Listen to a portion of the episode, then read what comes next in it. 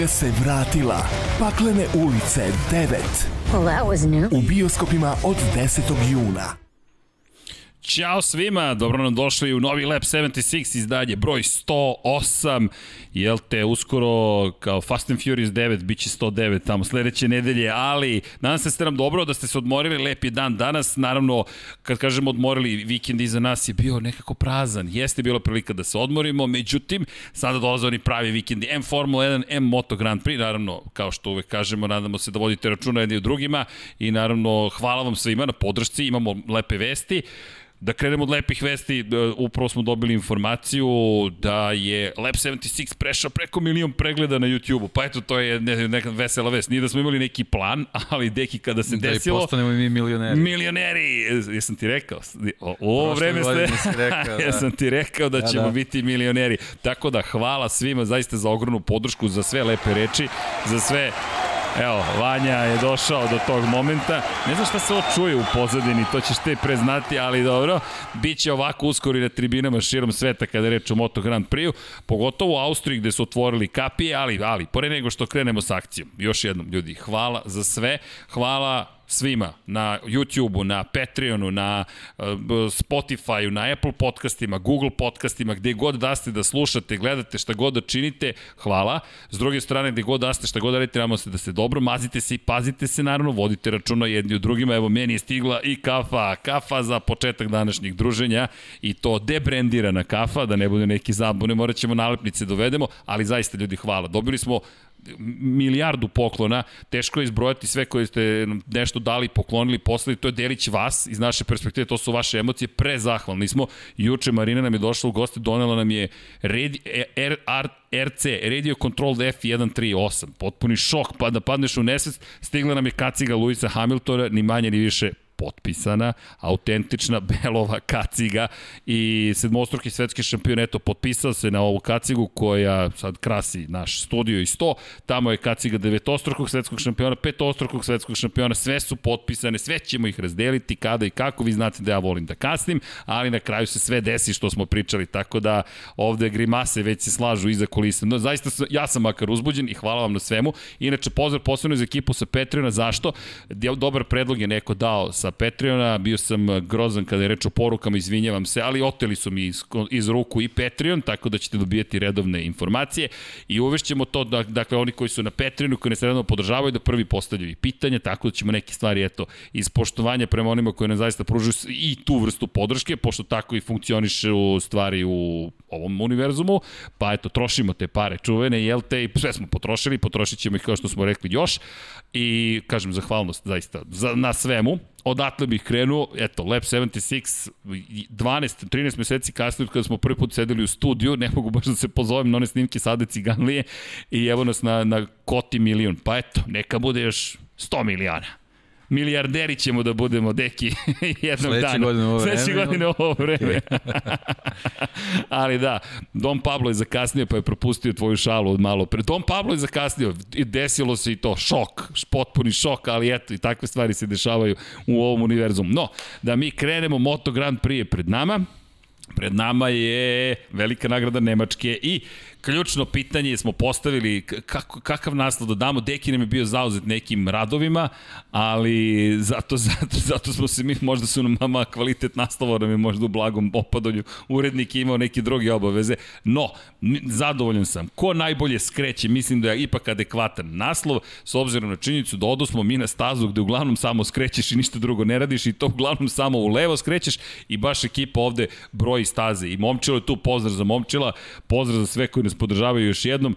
Deki, Vanja, Dom Pablo, mada to je virtualni Dom Pablo bio i ja razmišljam o tome, da li je ovo prva staza da imamo skretanje zapravo krug u, u levo? Pa I... ako smo dobro ovaj, zapamtili gde smo se vozili ove sezone, mislim da je prva, da. Da, Jerez, dakle, Katar nije, u desno je, Portimao nije u desno je, Jerez nije u desno je, Le Mans nije u desno je, Mugello nije u desno je i Poslednja trka Španija, Barcelona, Katalonija u desno. Definitivno. Definitivno je u desno, dakle samo ideš u desno i dođe smo mi evo na, na, na, na rundu broj 8, ne zaboravite, dva puta smo se vozili u Kataru i prva staza u levo. Zašto je to značajno? Vanja, može ona, ona fotografija sa, sa prstićima da krenemo odatle. Zašto? Zato što iako čovek trenutno nije na poziciji koju bi inače zauzimao, ovo je mesto koje je vrlo specifično u kalendaru. Što iz te perspektive da je krug u levo, što iz perspektive da je najkraća staza u kalendaru, što iz perspektive toga da kada stignemo na ovu stazu, kada pričamo generalno o Nemačkoj, inače prošle godine se nismo vozili u Nemačkoj, da ne zaboravimo i taj moment, tako da s obzirom na činjenicu da smo propustili dve godine, postavlja se tu nekoliko vrlo važnih pitanja, no kada je reč o samoj stazi, krećemo ovako, iako je prva krivina u desno, imamo ukupno 13 krivina, od tojih, od tojih je 10 krivina u levo. Evo zašto je važno ovaj, ovaj kadar, pa zato što ovaj čovek ima 10 krivina u levo na ovoj stazi, ali nije samo to u pitanju, u pitanju je još nešto, a to je da je ovaj čovek od 2010. zapravo na ovom mestu, evo, Mark Marquez na Saxon ringu, hvala Momčilu Vukiću još jednom, u svojih 12 nastupa na ovoj stazi. Jednom je bio 9. jednom 16. i potom je bio prvi, prvi, prvi, prvi, prvi, prvi, prvi, prvi, prvi, prvi. 10 puta za redom. Ovo je nezapamćen niz i bez obzira na njegovu povredu i na veliko pitanje u kakvom je stanju, kada stignemo ovde, ova fotografija je prva koja iskoči nekako u glavi, s obzirom na činjenicu da čovek od 125 kubika nije doživeo poraz na ovom mestu. U prethodnoj deceniji ni jednom nije poražen I eto, da vidimo u ovoj deceniji da li će neko uspeti da ga zaustavi s obzirom na činjenicu da je ovo pa gotovo nemoguća misija. Nedostaje mu 11. nastup ovde, to je 11. eventualno pobjeda, 13. nastup, kao što rekao, nismo prošle godine vozili. I deki, krećemo od Marka Markeza baš iz perspektive ovoga i iz perspektive još jedne stvari, vratio bih se u Le Mans kada je izjavio u krivinama u levo, ja moram da nadoknađujem brzinu i tu je uglavnom padao u krivinama u levo jer je tu pokušavao da nadoknadi s obzirom na činjenicu da su ostale krivine bilo desno. Sada, Nema nadoknađivanja. Oni koji su bolji u krivinama u desno će imati te tri krivine, od kojih jedna je prva krivina, dakle jedna je prva krivina, zatim ide krivina broj 4, I posle toga dolazimo do toga, ne zapravo nije krivina broj 4, izvinjam se, 2, 3, 4, ovo će biti peta krivina zapravo, ne četvrta krivina je tako je, ne treća, izvinjam se, treća, treća, zabrao sam, dodao sam jednu i naravno čuvena krivina broj 11, vodopad Dakle, to su te tri krivine u desno i da li može da se desi čudo za nekoga ko pada, ko nije među top 10 tako lako, da zadrži ovaj niz i naravno ono čuveno što smo i napisali, ovo je ozbiljan ispit za sve vozače, s obzirom na činjenicu, eto, niko ne pamti pobedu, poslednji put kada neko drugi pobedio davno beše u Moto Grand Prix 2012. godine i s te perspektive ozbiljan izazov, zašto Ducati maksimalna snaga, KTM da li je dovoljno agilan ili će ovo biti moment za Yamahu, samim tim Fabio Quartarara, vodećeg u šampionatu sveta, ili ćemo najzad videti Suzuki da nešto više čini. Koliko lepih pitanja na početku. Mnogo pitanja, da. da. Pa ali ne, kako god okreneš, moraš sa Mark Markezom da, da počneš čitavu priču, pre svega ispoštovanja prema rezultatima koje smo videli. E sad, tu je oko njega imamo milion pitanja, to je sad ovaj, čitava priča i kako god ovaj, smo hteli da, da i, i, i ovaj, na početku sezone do trenutka kad, kad nam se priključio u šampionatu da, da kao manje pričamo o njemu, ne vredi jednostavno. Moramo, moramo da, da ga spomenjamo, eto posebno kad je Saksening došao na red, definitivno priča o njemu, pre svega o njegovoj ovaj, fizičkoj spremi.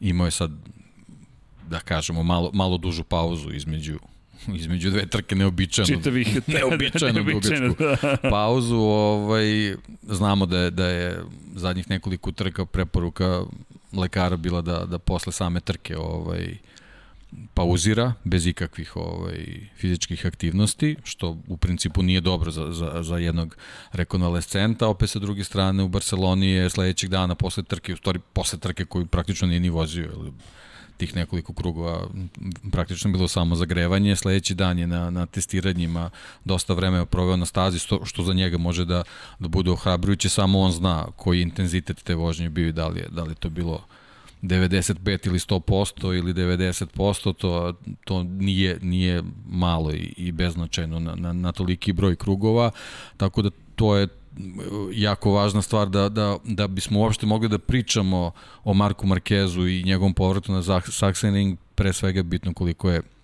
koliko je fizički fizički spreman, ako je to neka, neka pretpostavka da je to mnogo bolja situacija nego što je bilo na, na trkama, trkama do sad, možemo da očekujemo nešto, nešto bolji rezultat, e sad sa druge strane velika nepoznanica vezano i za Hondu je staza na koju su pauzirali godinu dana, podaci od prošle godine ne postoje, 2019. je za njih možda već neka, neka drugačija priča, ali je činjenica da kroz istoriju je Honda bila ne samo Marquez, nego generalno Honda bila jako dobra, tako da to su sve neke stvari koje idu na njegovu vodenicu, ali i dalje ono ključno, ključno pitanje i ključna priča je njegova fizička sprema. Poslednji pobednik koji nije vozio Hondu na ovoj stazi Valentino Rossi na Yamahi 2009. godine. Da, to je već neka decenija. ne, mi pričamo o nekom drugom vremenu. Mi smo u jednoj deceniji, prošlo deceniji dominirao Marquez, to je neka treća decenija. To je da. godina kada je Rossi da. napunio 30 godina čisto da se zna. I to je poslednja godina u kojoj je osvojio titulu. Mi od tog momenta nismo videli nikog drugog da pobeđuje u najčoj kategoriji do Hondinog vozača. Dani Pedrosa, Dani Pedrosa, Dani Pedrosa i onda Marquez, Marquez, Marquez, Marquez, Marquez i tako dalje. Marquez koji u Moto2 kategoriji zabeleži dve pobede, sedam ukupno pobeda kada je reč o, o, o ovoj stazi u najjačoj kategoriji kažemo, nije vozio prošle godine kao što niko nije nastupao, ali je da, Honda ovde gotovo pa nezaustavljiva čak i čuvene trke Valentina Rosija iz 2005. godine kada je pobedio sa Yamahom je bila Yamaha protiv 3-4 Honda. Od uvek Honda, da, uvek se Honda uvek se Honda tu spominjala, ovaj, tako da svi znamo taj, taj test u Barceloni između ostalog poslužuju za, za pripremu motocikla za, 2022. motocikala. Za, pa A, da, i ali i za ovu trku. To, to sam pre svega mislio da, da, da, da, da su sigurno određeni deo vremena po, po, posvetili sve, setapu za Saxering, tako da eto, imali su vremena da, da se pripreme za stazu, eto, gde smo prenudno pauzirali, Tako da što se tiče Honda, eto da, da započnemo priču s njom ovaj, i, i Markezom, to je ovaj, eto, neka olakšavajuća okolnost i nešto što im išlo na ruku pred, pred ovu trku, ali to apsolutno ništa ne mora da znači pre svega zbog te pauze koju smo imali prošle godine. No činjenici da je, da je ovo, kada pogledamo zaista njegova staza, evo, Mark Marquez, sedam pobjeda u najjačoj kategoriji, Dani Pedrosa 4, Valentino Rossi 4, zatim Max Biaggi, pa Casey Stoner, Sete Gibernau, Alex Baroš, Kenny Roberts i Michael Dunn, po jedna, dve pobjede za Maxa Biaggija, to su triumfi koji su ostvareni na, na, na ovom mestu. Kada govorimo o, o Maxu Bjađiju, mi tu pričamo o godinama 2004. i 2001. Yamaha, opet i Honda, ali jednostavno ovo je neka druga vrsta staze. Podseća na Kotu iz perspektive onoga što je Marquez učinio, ali setimo se prošle godine u Ostinu, pretprošle zapravo u Ostinu, izletao sa staze, tu je prekinut niz tih triumfova u Americi, Alex Rins je zabeležio prvu pobedu u karijeri. Sada, međutim, dolazimo na stazu gde ga niko, eto, nije pobedio još od tamo. 2009. kada je Julian Simon slavio i Mike, Mike Dimeglio slavio 2008. Da, kada je bio ipak debitant. i specifična staza. Jeste.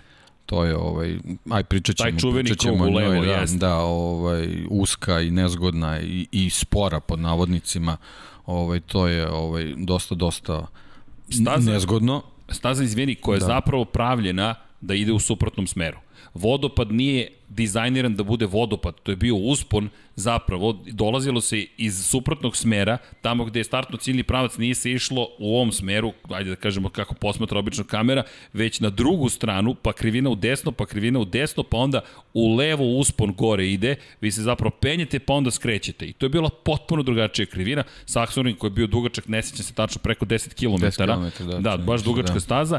I onda su je skratili i ostavili u šum, šumi, praktično su ostavili jednu mini stazu kao karting da je u pitanju za MotoGP i isekli je i pretvorili ovo što je danas vodopad koji je opasan, bit će sigurno priča o vodopadu, širina 12 metara, da. nije to previše široka staza, kao što si rekao. 3000... Da, za, zanimljiv, zanimljiv podatak, 52. kad, je, kad su krenule trke, 400.000 gledalaca je bilo na trci. A fenomenalno, 400.000 da, da. ljudi. Toliko je prijavljeno ljudi, da, zvanično. Sad, da li, da li je neko iz nekog interesa ljudi. povećavao broj ili neko iz drugih interesa smanjivao, ali... Ajmo da kažemo ali recimo... 250.000. Ajde, nađemo se na, na 60%, da, da, da. 62,5. Ali 3671 metar je sada dugačka. Nema gde da stane tih 400.000 ljudi. Dakle, ne mogu da zaokruže cijelu stazu. Inače, na, u ovom formatu, to jest u ovom obliku 1996. godine sagrađena 2003. je poslednji put promenjena pista, od tada nije dirana praktično i eto, držimo palčeve, maksimalne brzine nisu preko 300 km na čas, 298,2 konkretno, bacit ćemo pogled malo kasnije i u okviru tehničkog Da, evo, kutka na izvini, to. neki podatak koji sam našao, 8,7 km. O, to je to, dakle nije preko 10 km. Nisam siguran da je da je to konačna ovaj, dužina, ali našao sam na jednom mestu da je to Da, to. davno sam pisao tekst o, Da, da. o Saxon ringu, ne mogu sada da se setim, ali se sećam da, da, je, da je išlo u suprotnom smeru i da trke su zaista potpuno drugačije izgledale. Ali sad je tako kakva jeste. 300 km čas još nismo probili. 2015. postavljen rekord po maksimalnoj brzini. Andrea Dovizioso, čudno mi čudo na Ducatiju, 298,2 km na čas. Ali, to ključno pitanje ko, ko najbolje skreće, mislim da će biti veoma važno. U šampionatu sveta čisto podsjećanja radi Fabio Quartararo, 115 poena na fabričkoj Yamahi, inače si vidio da su mu ukrali pasoš. Ne znam da si vidio, ukrali su čoveku pasoš i dva sata pre leta stigao mu je pasoš rezervni. Neverovatno, ali eto, neko sada veštih ruku i prstiju ima pasoš Fabio Quartararo. Nisam siguran da će lako preći granicu sa falsifikovanim pasošem pod imenom Fabio Quartararo, ali hej, čovek može da proba. pa kada ga negde sretnu kaže, a vi ste vodeći u šampionatu sveta u Moto Grand Prix. Ok, pođite sa nama da nam date autogram. I tako. 14 pojena ispred još jednog Francuza, Joana Zarka, na Ducatiju, činjenica fabrički model, ali u pramak ekipi, i Jacka Millera koji je na poziciji broj 3, 25 pojena iza Fabio Quartarara, fabrički vozač Ducatija. Možemo odmah da dodam i Francesca Banjaju koji ima 2 poena manje od Jacka Millera i Joan Mir, branilac titule, 78 bodova, 37 manje od proplasiranog hajde da zaokružimo s Maverickom, Vinjalesom vidiš, ne može bez Mavericka, Vinjalesa i druge fabričke Yamahe, 75 pojena, 40 iza Kvartarara. Zašto tu stajemo? Pa, pa sad tu je već veća, veća razlika, 21 poen iza je Miguel Oliveira na fabričkom KTM-u. Doći ćemo i na KTM, jer ovo jeste to pitanje ko najbolje skreće. Ako pogledamo i rezultat od pre dve godine, 2019. na ovoj stazi možemo reći da je Yamaha imala šta da radi. To jest šta da traži, hajde da se tako izrazim. Dakle, kada pogledamo veliku nagradu Nemačke, Mark Marquez upečatljiv, međutim pozicija broj 2, Maverick Vinales, nije to loše izgledalo, naprotiv, dakle kada pogledamo Maverick Vinales 4,5 sekunde iza, ok, to je anomalija zvana Saxony, ali Yamaha je svoje odradila, bio ispred Kala Kračla koji je bio na pobedničkom postolju i onda Danila Petrući i Andreja Dovicioza na Ducatijima, ali 16,5 sekundi su bili iza. Jedna specifična trka, inače trka se često dešavale su se trke ovde u promenjivim vremenskim uslovima, gde je Mark Marquez pokazivao i još jednu tu neverovatnu sposobnost da je najbolji prilikom toga da se staza, kada se staza suši. Krenete po kiši, krene da se suši, on je taj koji najbolje temp, najbolje tempira kada tajming mu je savršen da promeni motocikl. Tu je takođe odnosio pobede, ali činjenica je da kada se vratimo na na, na prosto stazu iz te perspektive smo mogli da vidimo zapravo da Yamaha ima mogućnost ovde da se odupre. Sad, Mark Marquez u ovom stanju možda će to biti onaj faktor izjednačenja, pa ćemo dobiti, kažem, možda previše očekujemo od Marka Markeza, ali... Upravo to, mislim, ono kao, naše očekivanje su pre svega vezane za neku nadu da ćemo dobiti starog Marka Markeza, ali nažalost za sad svi nastupi ove, ove godine, osim ono, onog kratkog perioda na Le Manu, ovaj pokazuju da jednostavno Onih pet on, krugova. Da, da jednostavno fizički nije. Znači mentalno je definitivno spreman, to je sve okej, okay, ali gazi granicu. da telo jednostavno ne može ne može to da drži svestan i on vidimo i kroz njegove izjave, znači 7, 8, 10 krugova, krugova maksimalno u nekom svom prepoznatljom ritmu, ovo ostalo jednostavno telo, telo izdaje, barem je tako bilo do Barcelone. E sad, da li je ova pauza nešto pomogla, vidjet ćemo, staza je takva, znači nije, nije preterano brza, ali je jako dinamična i mnogo mora da se radi.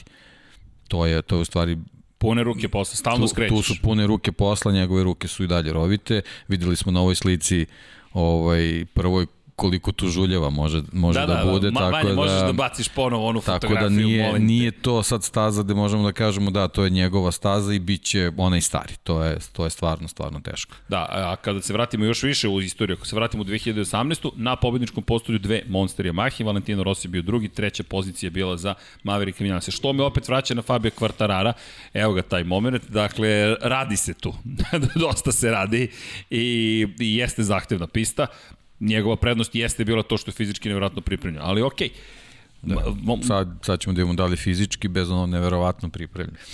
da. Dovoljno ćemo biti da je fizički spreman, ne sad. Da li može da izdrži čitavu trku, vidjet ćemo.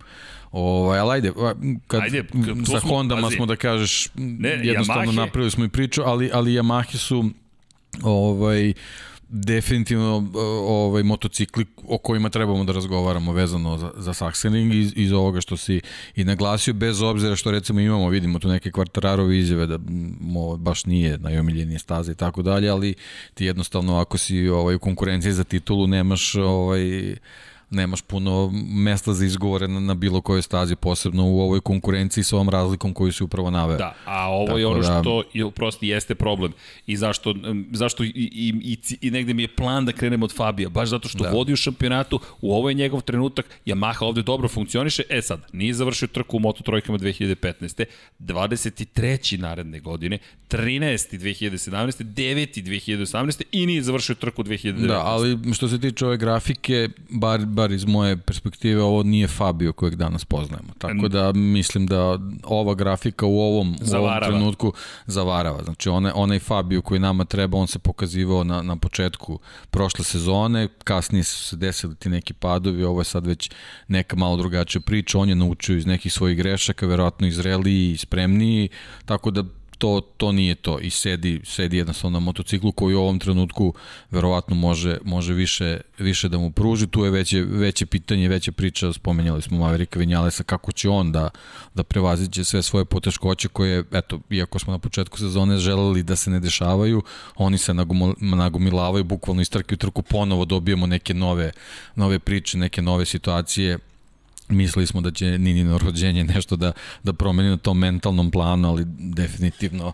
a, svaki, svaki tehnički ili bilo kakav drugi problem, njega ozbiljno, ozbiljno uzdrma, on, on se ne priprema očigledno maksimalno za, za svaku trku, pre svega zato što razmišlja o, o tim nekim problemama i nedostacima koji mogu da ga ovaj, sputaju u odnosu na, na rivale i to je njegov, njegov veliki problem. E sad, kad već spominjamo Yamaha, moramo da spomenemo i, i preostale dve, Valentina Rosija, pre svega zato što sedi na fabričkoj Yamahi ponovo, moramo da pričamo o tome i zbog toga što i on ima istoriju A- a i neki CV na ovoj stazi. Tako da moramo o tome da pričamo, staza je spora, nije pretarano brza, mora dosta da se radi, tako da će ovo biti možda i dobro merilo da u stvari vidimo šta je problem sa Valentinom Rosijom. A, a, a pazi, a meni je ipak na spisku bio Franco Morbidelli, zašto? Njega sam posebno ostavio, da, Okej, da. vidim da ga Posebno sklanjaš sa strane. Posebno sam ga ostavio pre svega zato što smo sad naveli momke koji voze fabričku Yamahu. Aktuelni, aktuelni model. E sad, uh, ovaj, Dobro, Franki, šta očekujemo? A, Franki sedi, aha, reci, ajde, reci. šta očekujemo od Valentina Rosija? Pa kažem ti, ja, ja Samo pre da svega vidimo očekujem u stvari da će- vidim u čemu je problem. Da li je problem u Yamahi ili u njemu. Ali o, misliš da će ovo otkriti? To što imamo 13 krivina i jedan realno U, kratak u nekom pravac. trenutku trke mislim da ćemo, da ćemo vidjeti u čemu je problem. Ok, Da, pazi, pre tri to godine je- bio na pobedničkom da, postolju da. i to je pobeđivao mlađeg kolegu, klubskog kolegu i nije bio tako daleko u odnosu na Marka Markeza. Izgledao je prilično dobro. Da, godine čine svoje, ali opet šta se tu umeđu vremenu desilo? Mada ja mislim da on ima sličan problem kao Vinjales, zašto mislim da previše promena se desilo kod, kod Rosija i što kada je reč o njegovoj ekipi i što kada je reč o njegovom pristupu poslu, kao da, kao da je svestan da vreme ističe polako i da pokušava na, na prečicu, da, da, da dođe na prečac, praktično dođe do rešenja i da kaže, ok, sad ćemo da uradimo to, to, to, to, to, to, to, to i nešto će da se desi, a godine su potrošene da. baš u tom pristupu i nije našao to što Pa da, i znaš kako, Moto Grand Prix svedoci smo i sezonu Napreduje. sezonu je kompleksniji. Mislim, konkretno pričamo o takmičarskom delu, znači to nisu isti motocikli kao pre deseta godina ili kad je on stigao u kraljevsku klasu. Ni slučajno nisu išli. Jesu oni bili nezgodni i teški i ko zna šta sve, ali su bili mnogo jednostavniji pod navodnicima. Ovo su kompleksni ovo je motocikli. kompleksna priča koja zahteva timski rad i sad upravo to što si rekao ti kad, kad do- dođeš i doneseš neki tornado u jednom danu sve promeniš, izvrneš na glavački, zatražiš da se nešto drugo desi, jednostavno ekipa ljudi koji to radi ne može to preko noći da promeni. Jednostavno, oni verovatno mogu to da ispoštuju, Tu se- ali je potrebno vreme da prođe. Tu bacaš kockicu, to igraš na sreću. je, to je bukvalno tako je. igra na sreću, to više nije naučni pristup, to je idemo Tako na sreću, je. pa nešto će da se desi u celoj ovoj situaciji. Makar je to moj E utisak. sad, opet, opet se vraćam, Barcelona, sledeći dan, posle trke, bilo je dosta vremena za, za testiranje, Rossi ima mnogo iskustva na ovoj stazi, ako, ako može da, da, da, da pripremi da nešto promeni vezano za, za svoje probleme sa motociklom, to je Sachsenring Tako da, da, da pa videli smo broj Tako je. pobjeda. Ima četiri pobjede u najjačoj kategoriji, pobedio jednom i u 250 kubika, jednom u 125 kubika. Prošli put nije to tako loše izgledalo u kvalifikacijama. Došao do vodećih 10 pozicija, napravio je grešku u krivini broj 4, izletao sa staze, ali hajde, mislim da, sviđa mi se tvoja teorija, pa da vidimo da. Tokom trke A, gde Njemu je ono, nosi. to smo pričali prošle godine, ključni problemi su veliki zaostatak koji kasnije ne može da nadoknadi. E sad, spomenuo si i te anomalije koje se dešavaju na ovoj stazi, zaostaci mogu da budu zaista veliki.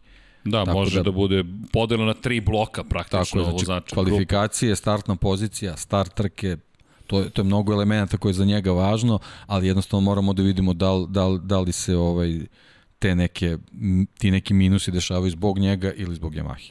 A Inače, iako smo rekli da smo počeli od Hondi, mi smo samo pospomenuli Marka Markeza. Tako je, Čisto tako da se da, razumemo, da, da. nismo ni se ni dotakli ni Pola Espargara, nismo se dotakli ni Aleksa Markeza, nismo se dotakli ni Takakija Nakagamija. Neću reći s pravom, ali nije ni daleko od toga, s obzirom na činjenicu da manje više ne dobijamo ništa od, od onoga što bi trebalo da dobijamo i dalje gledamo pre svega ka Marku Markezu. Takaki Nakagami bljesne tu i tamo i onda opet Da, to je, to je nažalost postalo nešto uobičajeno. Jeste. Da bi, da bi opravdao neki talent u koji smo mi verovali, to mora da bude konstantnije. Ovo što se tiče Aleksa Markeza, ja sam se nadao da, da, da će biti ovaj, spreman za neki magic touch kao što je prošle godine imao od Lemana. Ove, sad tu je bila ona priča vezano za Sachsenring, to mi je stalno u glavi, ona, ona, ona fascinantna trka u Aragonu i ona, ona njihova skretanja, kako su otkrili tu nešto. nešto su otkrili bili. E sad, to je Toga možda, nema. Da, ali možda je prilika da, da sad nešto od toga probaju da primene ovde, ovaj, da, da jednostavno i on dobije neku sigurnost koja dođe pa ode, to je onako baš, baš nezgodno. To nije, to nije za nivo Moto Grand Prix vozača. Tu, je mnogo, tu, tu mnogi padaju i nestaju. A, mno, a, To a, je, a, a vidimo kakva je konkurencija. Stižu novi, stalno pričamo o nekim novim. Ja mislim da, da nikad toliko nismo pričali o nižim kategorijama u, u, u kontekstu Moto Grand Prix kao, kao sad. stižu nove mlade da. ajkule, stiže Remy Gardner koji ozbiljno je naoštrio Da, zube, da, on da. čovjek izgleda sve ozbiljnije, da, ozbiljnije, da. Raul Fernandez ozbiljno je sazreo u jednoj sezoni, već u jednog vozača koji mislim da može rame uz rame da stane sa vozačima Moto Grand Prix kategorije i kao što ti kažeš, evo, oporavit se i Jorge Martin, doći će i on opet do tog nivoa koji imao na početku godine, prosto to su posledice pada, ali od Martina dosta već očekujemo, Luka Marini, to je isto vozač koji velikom brzinom napredaje Nea Bastianini, doći će i oni na svoje i sad opet ta priča šta sa onima koji su dobili priliku, a nisu je iskoristili. Pa s njima je problem Honda je brutalna.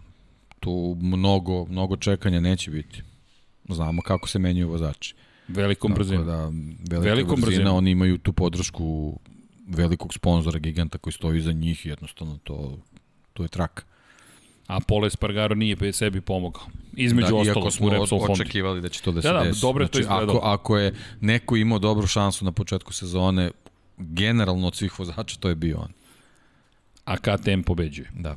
A KTM da. pobeđuje. I rekao je, inače, između ove dve trke, samo da mi daju adekvatnu podršku, mogu da razvijem Hondu da bude pobednički motocikl, ali mislim da tu Honda neće ići uopšte u tom smeru. Da, dobro, sad je to pitanje šta je, šta je za njega adekvatna podrška. Ne znam šta, šta možeš više da očekuješ kad dođeš u Repsol Honda. Pa, ono što je meni zanimljivo rekao na prethodnom testu da je on tu samo zaposleni. Mislim da je to zapravo njegov protest, da je očekivao da će imati atmosferu kao u KTM-u, Ako Vanja može kadar na Dekija, molim te, ja nisam u ovom trenutku, mislim da njegov govor, da, da, da, da, da njegov izraz lica govori sve praktično. Da, to mislim da nije razumeo dobro. Koja je razlika između KTM-a i Honda?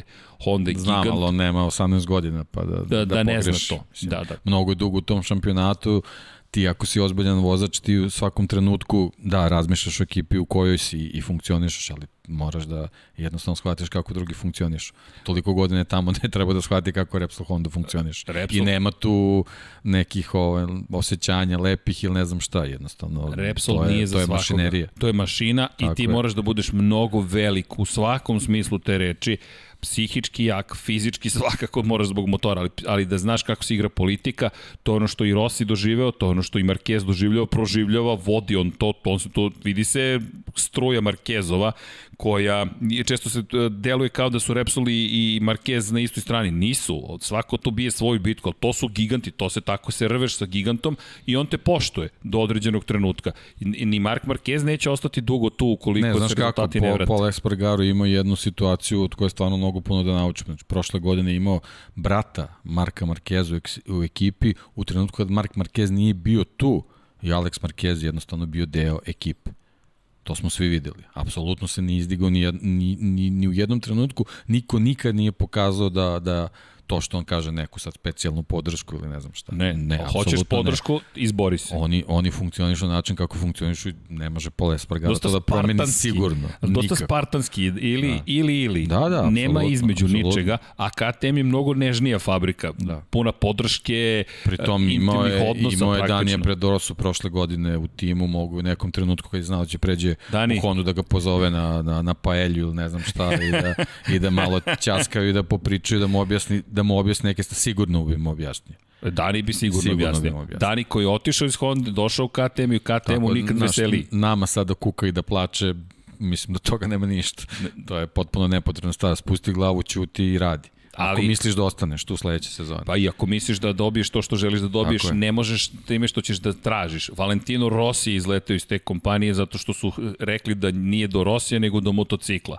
Mark Marquez je jedan od redkih koji može da preživi u toj atmosferi. Andrea Dovizioso nije preživio u toj atmosferi. Prosto nije čovek. Casey Stoner nije preživio. Nije. I on je napustio, samo da ne zaboravimo, da, u dve godine saradnje osvojio je titulu, međutim, kada je Casey Stoner izašao iz cijele priče, Prvo je vozio za Hondu i testirao za Hondu, Honda koja mu je rekla da se vratiš na stazu. Od tog filma nema ništa. I onda je rekao, kada je Dani Pedrosa bio povređen, izrazio želju da ponovo odveze trku, Honda je rekla ne. I re, jasno mu stavilo do znanja, žao nam je to što si nam osvojio titulu, to je plus kvam perfekt. Davno, prošlo, svršeno vreme, ćao, nema od toga ništa. Onda je otišao u Ducati, pa se vratio u Hondu da vozi 8 časova Suzuki i onda kada je doživeo pad i rekli da je on kriv, iako je rekao da se zapravo sajla jednostavno se zaglavila gasa i kada su ustanovili da su pogrešili, rekao ne, viš sad smo zaista završili zato što je ovo uvreda, tako da Honda ni prema njemu ni imala neki nežan stav, naprotiv. Absolutno. Prema Daniju svakako nije imala nežan stav i onda dolazi Marquez koji je preživeo u, u celoj toj priči. Pre, prema Nikiju Hejdinu nije imala stav. Niki je osvojio titulu 2006. godine, 2007. motocikl je razvijen za Danija Pedrosu. Ali kao, čekajte, ja sam šampion. To je jednostavno, to je ta filozofija i to je ta, ta, ta to su te situacije iz prošlosti koje Pola Espargaro jednostavno mora u svakom trenutku da ima na uma, ne, mislim, koja je podrška. Imaš sigurno maksimalno sve što treba u tom trenutku, ali ni centimetar dalje ali, od toga. Ali onakva to je to. kako je organizovan u okviru Hondina korporacije. Je, I to je to. To nije ni dobro ni loše, samo konstatujemo to je, kako To je jest. stvar gde ako, ako naučiš i predlagodiš se, dobro ćeš proći a onda je na te, tebi na stazi da, da to primeniš. Jeste. A imao si na, na početku sezone izuzetno dobru I, situaciju. I savršenu priliku. Tako Sada je. ne vidim da će Honda reći važi, kladimo se na tebe. Rezultati to nisu zahtevali. S druge Tako strane, je. Markeza čekaju, ukoliko Markez profunkcioniše, to je adakta. To je bukvalno stavljeno adakta. Jedino da se nada da će motocikl koji se razvija za Marka Markeza, pošto se Honda uvek kladi na jednog igrača, to je vozača, da će mu odgovarati. I da Mark Marquez kaže ok, mi je da ostane sledeće sezone između ostalog. Da. I, I to je, to je I, moment. I to je moment. Ili ono kao volao bi da se Bata vrati. To su, to Ali su ne verujem da će mu dati ne, ne, ma da ne, sve okej, okay, ja sad, sad pričam, okay, okay. pričam samo dajem neke primere, jednostavno, to su dve stvari na koje on mora da, da odobrati priličnu pažnju ako, ako želi bilo šta da uradi u Repsol Honda. I onda dođemo na KTM. Nije dovoljno doći u Repsol Honda. U, a, pa ne, svi žele da, da. dođu u Repsol Honda. Sećaš one, one priče na početku i oni promotivnih klipova i to. Ok, sva pažnja ti je pružena, ali to je to, tu se završava sve. Isporuči. Tako je. Sad isporuči. Tako je. Ali nisam navikao na ovaj stil rada. Sorry. Ovako mi radimo. Da. Bukvalno mi ovako radimo i nekom odgovara, nekom ne. Ali me dovodi na KTM u čast pobednika prošlog, broj 88 i to smo izdvojili te fotografije e, ko bolje skreći. Baš smo imali broj 88 ispred broja 20 na uvodnoj špici. Zašto? Pa baš zato što se tada tu meni makar postavlja pitanje, da, trebalo bi sada da pričamo i o Suzuki-u i, i o tome kako skreće motocikl u rukama Joana Mira i Aleksa Rinsa, ali s obzirom na povreda Aleksa Rinsa trebalo bi da se vrati u Nemačku i s obzirom na činjenicu da Suzuki nema pobedu, s obzirom na činjenicu da Suzuki generalno ne izgleda tako dobro kao što smo očekivali u Barceloni, nismo dobili ono što smo očekivali od Mira. KTM s druge strane mislim da će sada dobiti odgovor i dati nam odgovor da li je to to, da li je taj motocikl sada spreman i za pobede na ovakvim stazama. Jer Barcelona je drugačija vrsta staze, Portimao prošle godine drugačiji, Red Bull Ring drugačiji, Brno drugačije, Brno koje je dugačko, Portimao koji je dugačak, s druge strane Red Bull Ring specifičan, pravo, pravo, pravo i još što ti se otvorila vrata na samom kraju trke, da, imao je šansu Pole Spargaro da triumfuje, e sada pitanje... Ali ta vrata su se otvorila zašto je dobro skrenuo. Tako je, vidiš da je dobar naslov. da, dobro je da. skrenuo, dobro je skrenuo i onda dolazimo do tog pitanja, ok, da li je KTM taj motocikl koji na pravcima u Barceloni je mogao da prati, u krivinama je mogao da parira Yamahi na adekvatan način, Da li je to taj savršeni kompromis koji, koji tražiš nekako u ovom trenutku da možeš da se boriš za pobedu ili za plasman na pobedničko postolje na ovakvoj stazi? Da, pa gruba analiza i ovo nabrajanje pobeda pokazuje da su sve pobede stigle na stazama koje su prilično drugačije, sad naravno može to se analizira pa sad ulazimo neke detalje, ali generalno su drugačije. E sad ni jedna nije slična kao u kalendaru nema kao kao Saxering da i, i ono što je meni ovaj posebno važno vezano za, za KTM je da vidimo da li je ta pobeda u Barceloni bila neka slučajnost, ne, ne, neki, neki dobar tip vezan vezan za, za pripremu motocikla ili, ili su stvarno pronašli ovaj tu neku dobitnu formulu ovaj, bez koje su se mučili na, na, na početku sezone. Vrlo, vrlo važna trka za KTM, a u, u čitavoj priči opet moramo da spomene, već smo spomenuli Danija Pedrosu i ono, ona je, ona je spisak pobednika, čovjek je četiri puta pobedio na ovoj stazi, tako da iz, iz te perspektive za, za, za njihovo iskustvo i vezano za pripremu za ovu trku je jako, jako važno ovaj, uh, da li, da li odatle može da se, da se izvuče ta, ta neka priča koja će biti vezana za neku desetinku koju mogu da dobiju ili, ili nešto slično. Jesi li video proslavu kako su ispoštovali Danija Pedrosu u, u, u, i on što Miguel Oliveira kao pobednika i KTM, Pete Bayer koji mu čestita i Dani koji kaže ne, ne, ne, On je, on je pobedio. Nisam ja pobedio i Bayer koji mu govori i kaže ne, ne, ne, ja nisam pobedio. I, i Dani koji stoji sa strane... Ali to je, dolazi... to je ono što smo sad rekli za Pola Espargara. Jedno je priprema, a drugo je isporuka. Mi smo, da. mi smo ti sve pripremili. Miguel Oliveira isporučio. Isporučio. I to je to. Isporučio. I to je to je nešto što što njega diže u toj biografiji vezano za nastup Moto Grand Prix. To što dobiješ ti sprovedeš u delo i napraviš pobednički motocikl. A dobiješ motor koji ti pripremio u ovom slučaju u slučaju Olivire ni manje ni više Dani Pedrosa ja sad, inače... sad opet da se vratimo izvini samo ne, na pola ne, na, na trenutak. Mi smo ga imali prošle sezone. Sve što radi u pol pozicije. Jeste u trci izmaklo je isporuka, većina stvari izmaklo. Isporuka, da. isporuka, a Miguel Oliveira je sad višestruki pobednik. Trostruki pobednik. Da. O, Miguel Oliveira na Saxonringu, ali momčilo, ne spava, nije završio trku 2011. u 125 kubika, u Moto trojkama 19. pa četvrti, pa nije završio trku 2014. u Moto trojkama, pa nije započeo trku 2013. u 2015. u Moto trojkama, to je period kada je praktično izgubio šansu da se bori za titulu 2016. u Moto dvojkama nije završio trku, zatim je bio drugi u Moto dvojkama 2017. pa četvrti 2018. E u Moto Grand Prix 2019. godine 18. pozicija, ali to su počeci. Počeci i da. za KTM i za njega, ne toliko za KTM, učenje, ali pre svega za njega. Da, Jeste. Da, da, da. Očekujem baš da vidimo Olivera, Olivera u poslednje dve trke 20 i 25 poena, najviše poena od svih, ukupno 45 bodova je osvojio i kada pogledaš 35 poena osvojio Kvartararo, 45 je osvojio Miguel Oliveira, 33 Joan Zarko i 29 Joan Mir. Mir, kada pogledaš, osvaja poene, nedostaje to, ali pre nego što odem na Suzuki, KTM, samo da završim ovo za Danija Pedrosu, meni je to bila mnogo dirljiva slika.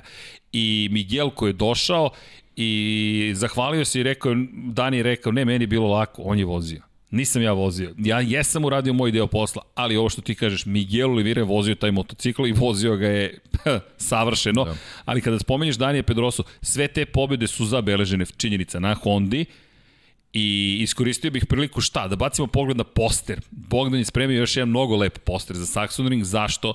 Pričamo s Bogdanom. Bogdan koji veze sa Formulom 1 i Moto Grand Prix nije imao do ove godine. Međutim, Dom Pablo ga je uzeo pod svoje, Vanja ga je uzeo pod svoje, gospodin Dejan Potkonja ga je uzeo po, urednički pod svoje, uticaj gospodina Vukića i tako, ceo studio i pričam sa Bogdanom, rekao šta si radio ovde kada si pravio ovaj poster u šumi I kaže, Srki, istraživao sam, istraživao sam, znaš da Honda ima najviše pobjeda? Rekao, okej, okay, još jedan je zaražen i to se, da. ta bolest se ne leči.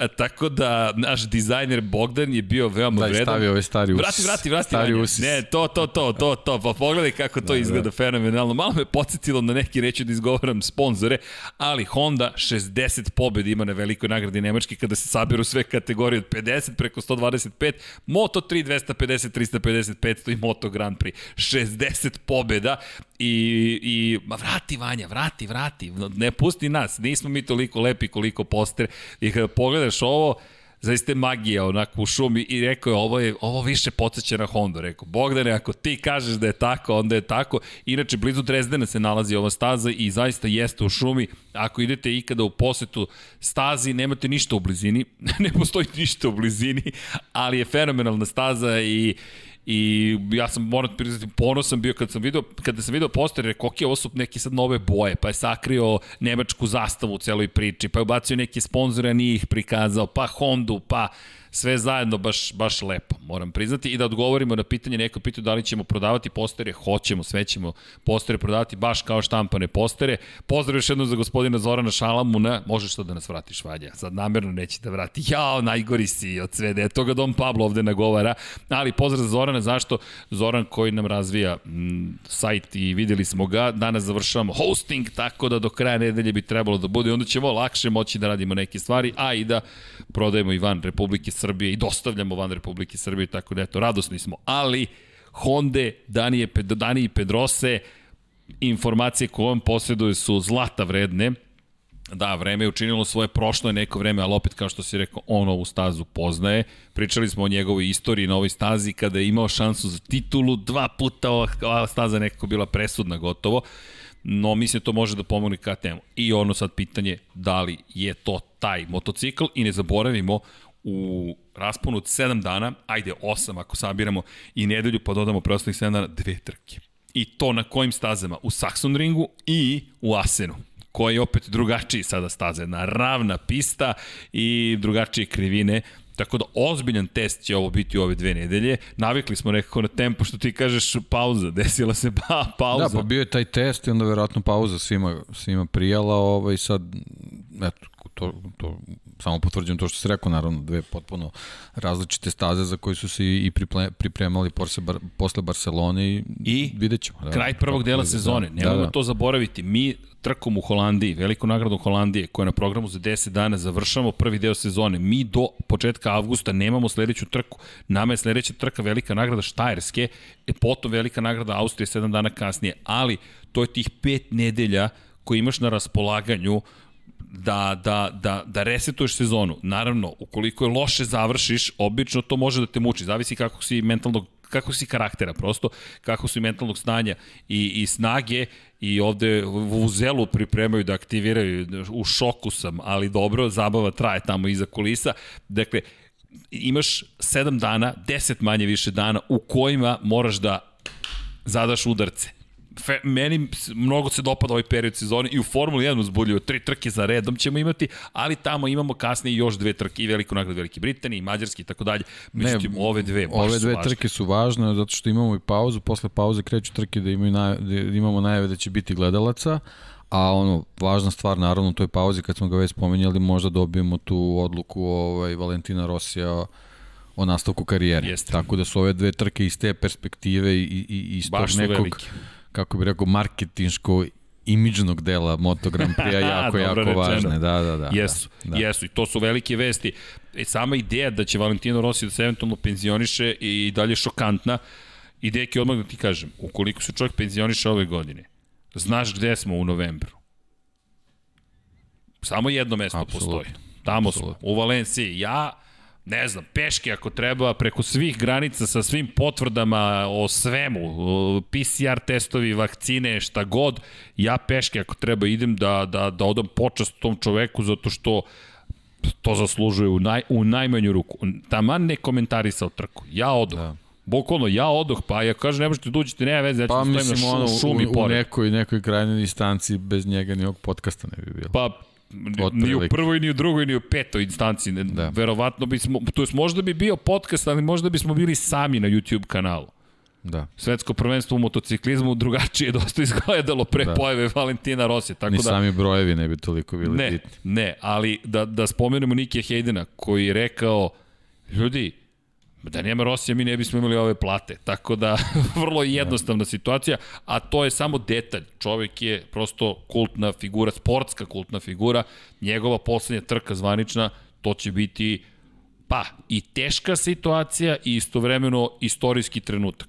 Ali, eto, držim palčeve sebično da će još jednu godinu nekako izvući i da će se prošle, sledeće godine oprostiti pred punim muđelom, jer mislim da bez muđela nekako nema oproštaja. Ali, okej. Okay.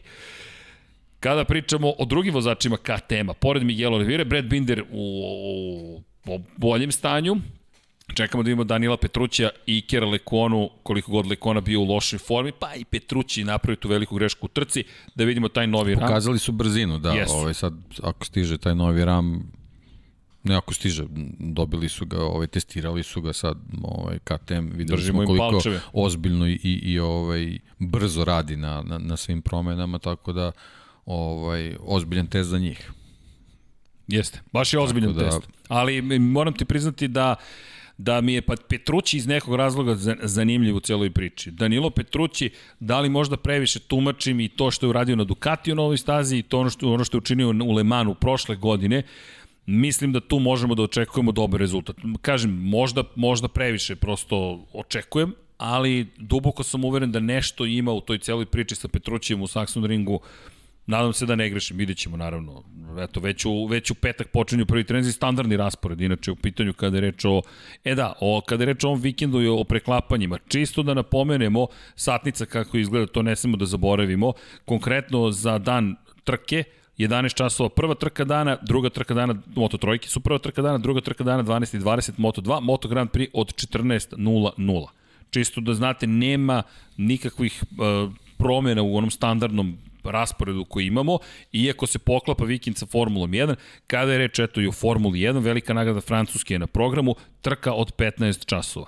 Tako da u idealnoj situaciji Moto Grand Prix kreće u 14, završava 14.45 otprilike, isprati se, jel te, dodela pehara, pobednici, intoniranje himne, proslava, otvaranje proseka i idemo na Formulu 1, tako da tu ne bi trebalo da bude nikakvih preklapanja. Što se tiče vremenskih uslova, samo da to ne zaboravimo, mislim da je to takođe važno napomenuti, iz perspektive onoga što kažu za Dresden konkretno, pošto nemamo na yr.no samu stazu, kažu u nedelju bi trebalo bude mestimično oblačno, u subotu takođe, a sunčano u petak kišu ne očekujemo, ali u ov, na ovim prost, na tim, u tim, pro- tim prostorima sve je moguće da se lako promeni. I da se vratimo na Petruća, čisto ovako možda i naranđasta majica vrši svoj uticaj, mislim da tu imamo o čemu da pričamo. Šta još možemo da napomenemo? U istoriji ove staze, broj pobjede Ducatija je jedan. I to Casey Stoner.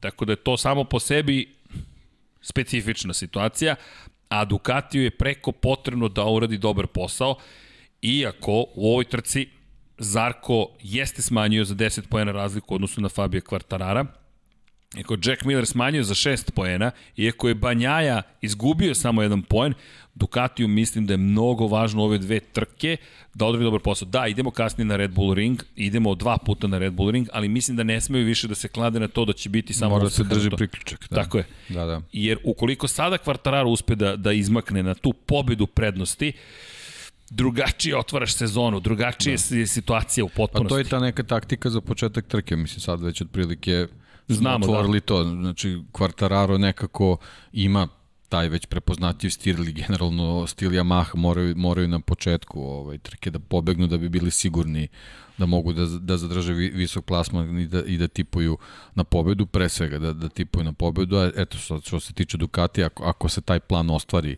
kvartararu, ovaj, jednostavno moraju, morat će da, da smisle način da, da drže priključak za njim. Fascinantno mi je bilo da. do 2019. u kvalifikacijama. Dukatijevci su bili na pozicijama 2, 3 i 4. Kada pogledaš kvalifikacije, Jack Miller je bio drugi, Andredović Jozo bio treći, Francesco Banja je bio četvrti. Sve to izgleda dobro. Danilo Petrući je na Ducatiju bio na poziciji broj 6.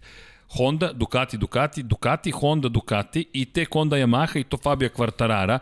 KTM-ovi, inače, čak i 2019. Olivira i Spargaro su bili 8. i 9 u kvalifikacijama i onda Maverick Vinales 10. pozicija, Karl Klačov, Joan Mir na Honda i Suzuki. I sad pogledaš, Ho, Ducati, zašto Ducati ovde nema? Kad dođe vreme za trku, gde nestanu? Kao da ne mogu da izdrže da, da, da te gume tempo, održe, tako tempo, je. Da. da. Jedan krug je okej. Okay. Samo jedan krug, da. I, ali opet dovodi nas do ovoga. Ukoliko u kvalifikacijama mogu nešto da učine, pa onda blokiranje u nastavku trke, još ukoliko se Marquez tu umeša, može da bude zaista Da, sad je pitanje čistog, vaz, čistog vazduha, to je, to je sad sve, sve veliko pitanje za, za Ducati ovaj, pošto nisu bili tamo, jako će biti važni treninzi da, da, da se dobro pripreme za samu trku.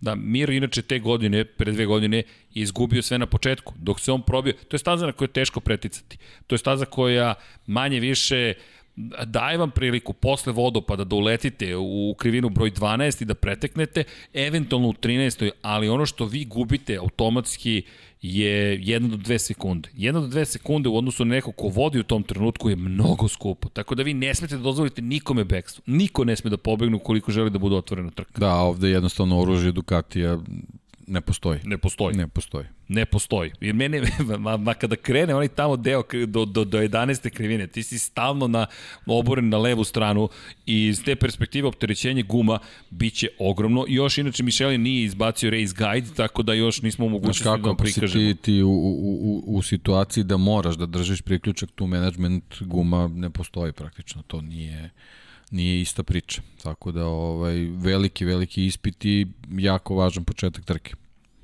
To je ono na što ćemo morati da obratimo pažnju vezano za za Ducatije posebno.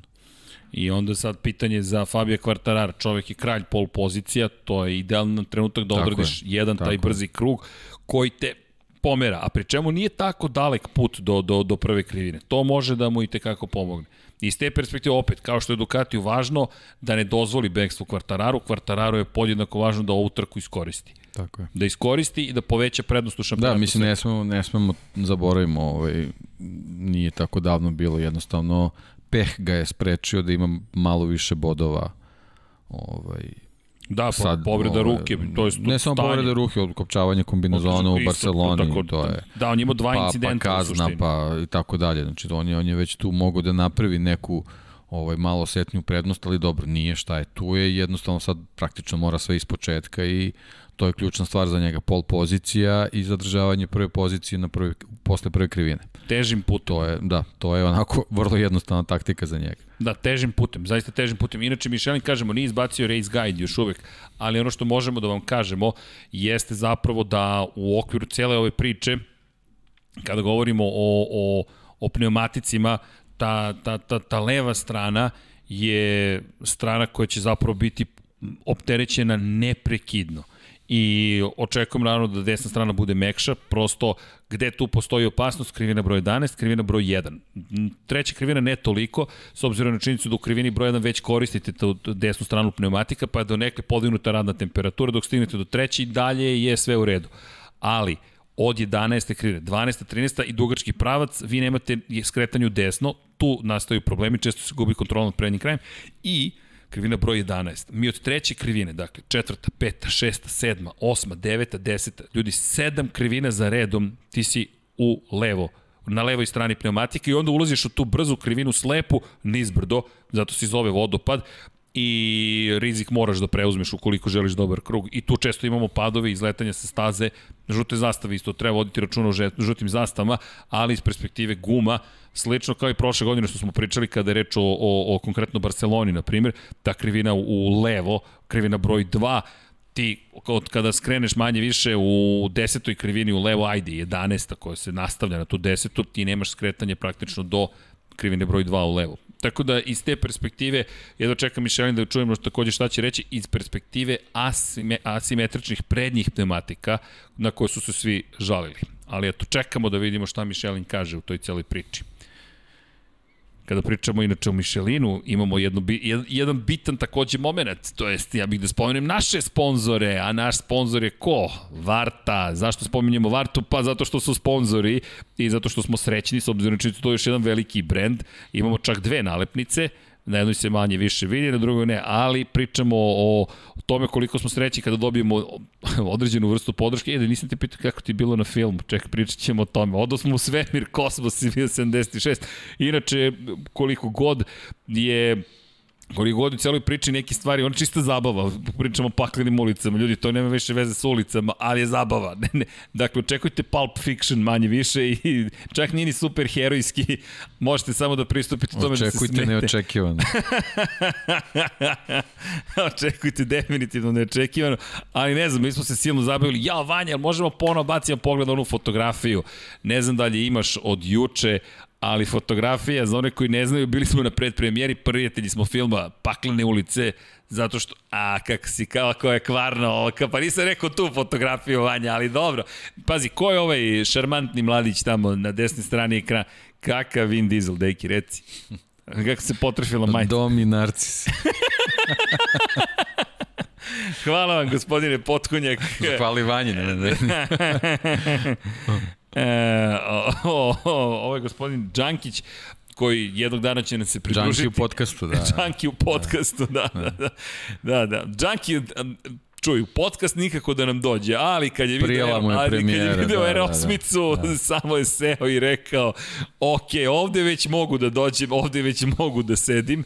Da, lepo se zabavio gospodin Đankić. Ej, daj pozdrav celoj zajednici. Pozdrav svima, hvala za celu podršku, za sve što činite, lepe reči, pokloni, majice, svakako je da. Udrite like, čekaj, čekaj, pun sat, ja nisam još pričao o lajkovima ali da, ovde smo inače najavljivali, nije, nije funkcionisalo, ceo tržni centar je ostao bez interneta, pa nije funkcionisalo mikrofon, ali ko kaže da gospodinu Đankiću ili meni je potreban mikrofon, malo smo se drali tamo u, jel te, u sali. I kako ti se dopala reklama na velikom ekranu? Je, super je izgledala, stvarno. E, to, to da, mi je da. bilo bitno, da, da, da razumemo. Jeste, jeste. To je, to je lep osjećaj. Ja ga nisam doživeo, pošto smo stajali ispred, nama su rekli, ne možete sad vi da uđete, vi morate da ostanete unutra. Ok, ako vi kažete da mi moramo da ostanemo unutra, mi moramo da ostanemo unutra. Ali, Vanja, ćemo da se bacimo na tehnički kutak. Ovo je bio, ne znam koji kutak, ali zabavno u svakom slučaju. Da se pozabimo.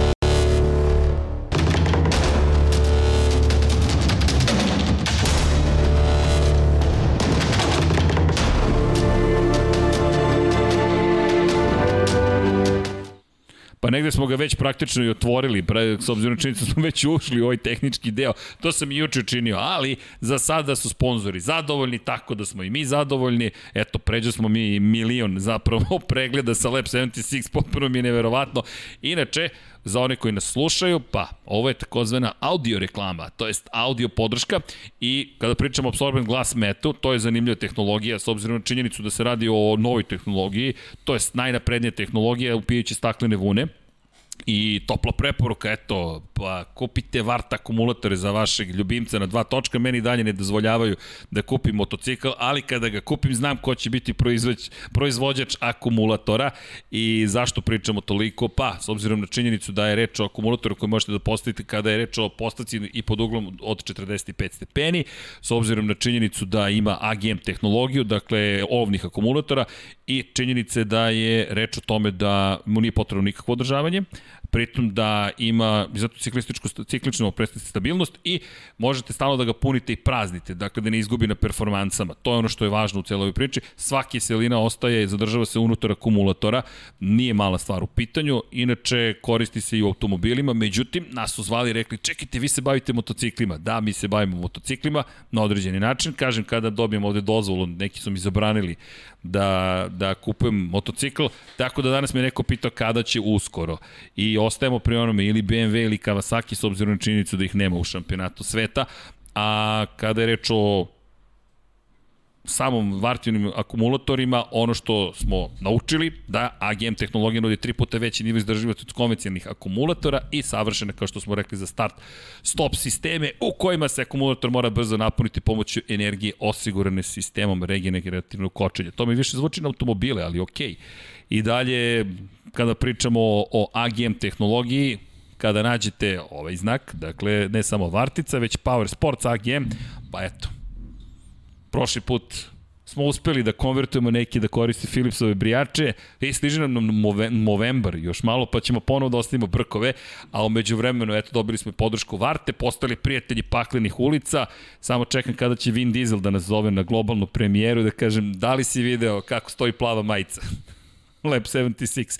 E da, infinitylighthouse.com kroz shop, udrite like, udrite subscribe i eto, podrška naravno da znači, rekli smo već i na samom početku, prosto je što kažu humbling experience, ponekad ne znaš ni šta da kažeš, nije da smo stidljivi, pogotovo ne gospodin Potkonjak, ali činjenica je da, malo ja da vrati sad za ovog narcisa, uvenući narcis naranđasti, ali, ej, nasmeo sam te i prošli da, put. Yes. ali, nećemo da ponavljamo. Nećemo da, da ponavljamo, ali činjenica je da je stvarno lep osjećaj i Eto, veliki pozdrav svima još jednom i naravno vodite računa jednim drugima, to uvijek pričamo. A kada pričamo dalje o Moto Grand Prix i tehnologijama koje se tamo primenjuju, to je otišlo na tako dalek nivo da je ponekad gotovo nemoguće ispratiti. Inače, danas su neko je javio fotografiju sa startnog ciljnog pravca, ne znam koje staze, uzeli su motocikl i oborili ga pod uglom od 62 stepena, fotografisali i rekli, e, po tim uglom oni prolaze kroz krivine, ako stojiš i da bi se čekali da li mi je glava nakrivo stoji ili nešto nije redu s ovim motociklom, ali ne, ti ljudi zaista zaista su neverovatni i razvoj tehnologije. Kada je reči o Michelinu, ponekad dobijaju kritike ozbiljne Pirelli koji u Formuli 1 pod ozbiljnim znakom pitanja, što kaže neko, sami su obavili istragu i saopštili nije do nas. Ali da, držimo palče, će sve biti ok. Kada reč o Michelinu, ozbiljno ih če, ozbiljan test ih čeka, pogotovo što se očekuje visoke temperature, 34 stepena Celzijusa je najavljena temperatura za dan trke. Tako da, ako bude oblačno, bit će očigledno niža, čista fizika, što kažu, ali ukoliko ne, e, onda će biti ozbiljan test za Michelin i onda se vraćamo opet na Ducati i to ko može da koristi gume. Suzuki nekako nikada ovde nije imao dobre rezultate, ali mislim da moda da od Kenny Robertsa mlađeg nemaju pobedu na velikoj nagradi Nemačke. To je koja 1999. godina. Od onda samo Honda i Yamaha i jednom Ducati. Pazi, to je 22 godine. Dobro, da, ali Suzuki nekako ne može tu priču ni da se, da se u, ovaj, ubacuje ipak imali su ono povremeni pauze i nije, da, okay. nije to, da, nije ali to baš relevantno treba toliko. Treba im nešto. Treba im, naravno, naravno. Pogledaj ovo, u Moto trojkama. Nije završio trku Joan Mir 2016. Naredne godine pobedio, pa bio drugi u Moto dvojkama i sedmi u Moto Grand Prix. Rezultati nisu loši, čak nisu i loši, da, sezoni. Da, da. Znaš, tako Upravo da, to, da, uz održanje guma, uz način na koji je, sam očekivao da će voziti, moram ti priznati, u Barceloni, mislim da da, da Suzuki ipak ovde ima šta da traži. Ne vidim na kojoj stazi će se Suzuki pojaviti u najjačem izdanju. To je ono što mi je sad zbunjujuće. Pričali smo prošle godine koliko je Suzuki napravio izbalansiran motocikl, ali da li ti vidiš pobedu Suzukija? Bilo kod Rinsa, bilo kod Mira. Pa, ja je ne vidim. Znaš kako, mi smo i prošle godine imali takvu situaciju. Bukvalno je bila priča da li će čovjek osvojiti titulu bez pobede. Da, Rins je podbacio u momentima da. kada je imao pobede potencijalno u rukama, a Mir s druge strane je rekao, ok, idem ka tituli, brojim bodove i ne rizikujem previše. Tako da, znaš, pošto je kod njega taj rizik isključen, ne, ne možemo da očekujemo neko maksimalno izdanje, ja mislim ni ovde. Jednostavno, ponovo vrebanje prilike. A ovo je staza gde prvo što vidimo po njegovim rezultatima da, da, da se uopšte ne snalazi loše tu. Ove, s druge strane, Suzuki je ovaj, nekako motocikl koji uh, koji nije uh, nije motocikl koji na ovoj stazi uh, od njega treba da se očekujete sad neke vrhunske performanse u smislu maksimalne brzine ili, ili možda nekih suludih ubrzanja, ali jednostavno ta dobra izbalansiranost ovde može dobro da dođe do izražaja vezano za njih posebno zato što je staza uska, što ima dosta tih, tih skretanja, znamo kako se mir, mir u krivinama dobro snalazi. Ta njegova podlačenja i stvarno može dobro da bude. Da. Tu ima prostora, tu ima prostora kada spominješ... On je čovjek koji je, koji usavršio taj blok pas, mislim, on jednostavno se zavuče ispod, ti moraš da uspraviš motocikl, jer, jer on prolazi. Tako da ovde, ovde možda može na, na neka dva, tri mesta jednostavno da, da, da koristi to, ali ono što smo pričali za, Ducati da važi za njega, jednostavno mora da drži priključak da bi u finišu trke pod uslovom da, da se sačuvaju gume mogao da, da, da sve te svoje kvalitete iskoristi. I svoje i motocikla. I na zapadu ništa novo, opet se vraćamo na to da li nešto može da učini u kvalifikacijama. Da. Opet ista priča. Ista priča, Mi manje ista više priča. dolazimo, vrtimo film prosto sa Suzuki i stalno jedno te isto. Jednostavno te isto i, i kada spomenješ i blok pasovi, kada spomenješ prilike, hajde da bacimo poglede na Brembovu najsnažniju tačku kočenja, s obzirom na činjenicu da to takođe otkriva neke stvari, a i otvorili smo tehnički kutak da i da iskoristimo i tu priliku. Hvala Brembu još jednom na dozvoli da, da da isključimo engleski, engleski jezik u pozadini. Velika nagrada Nemačke, Sachsenring, u Šemnicu zapravo se nalazi. 3671 metar dugačka staza, 30 krugova, srednje opterećenje nezakočeni sistem, 7 snažnih tačaka kočenja, međutim najsnažnija krivina broj 1 i to je ta krivina u desno o kojoj toliko pričamo, ovo izlaz iz krivine broj 13, lepa 3D animacija, kažem, hvala Brembu, svake godine pomeraju stvari, Zaustavni put 96 metara, 1,62 sekunde traje kočenje, opterećenje 5,7 kg, negativno ubrzanje 1,4 sile zemljine teže sa 290 km na čas na 73 km na čas. Vrlo zahtevan ulazak u krivinu broj 1 i kao što možete vidjeti, temperatura 680 stepeni Celzijusa, 12,3 bara, pritisak, dakle, ono što ovde možemo očekivati. Inače, kočenje traje 5,5 sekundi ukupno.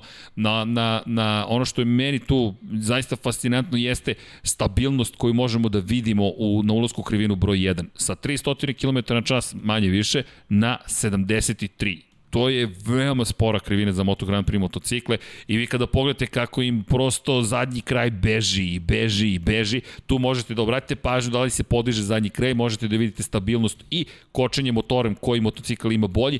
Mislim da tu, na primjer, će biti lepo gledati Francesca Banjaju na Ducatiju, s obzirom na činjenicu da ima specifičan stil kočenja.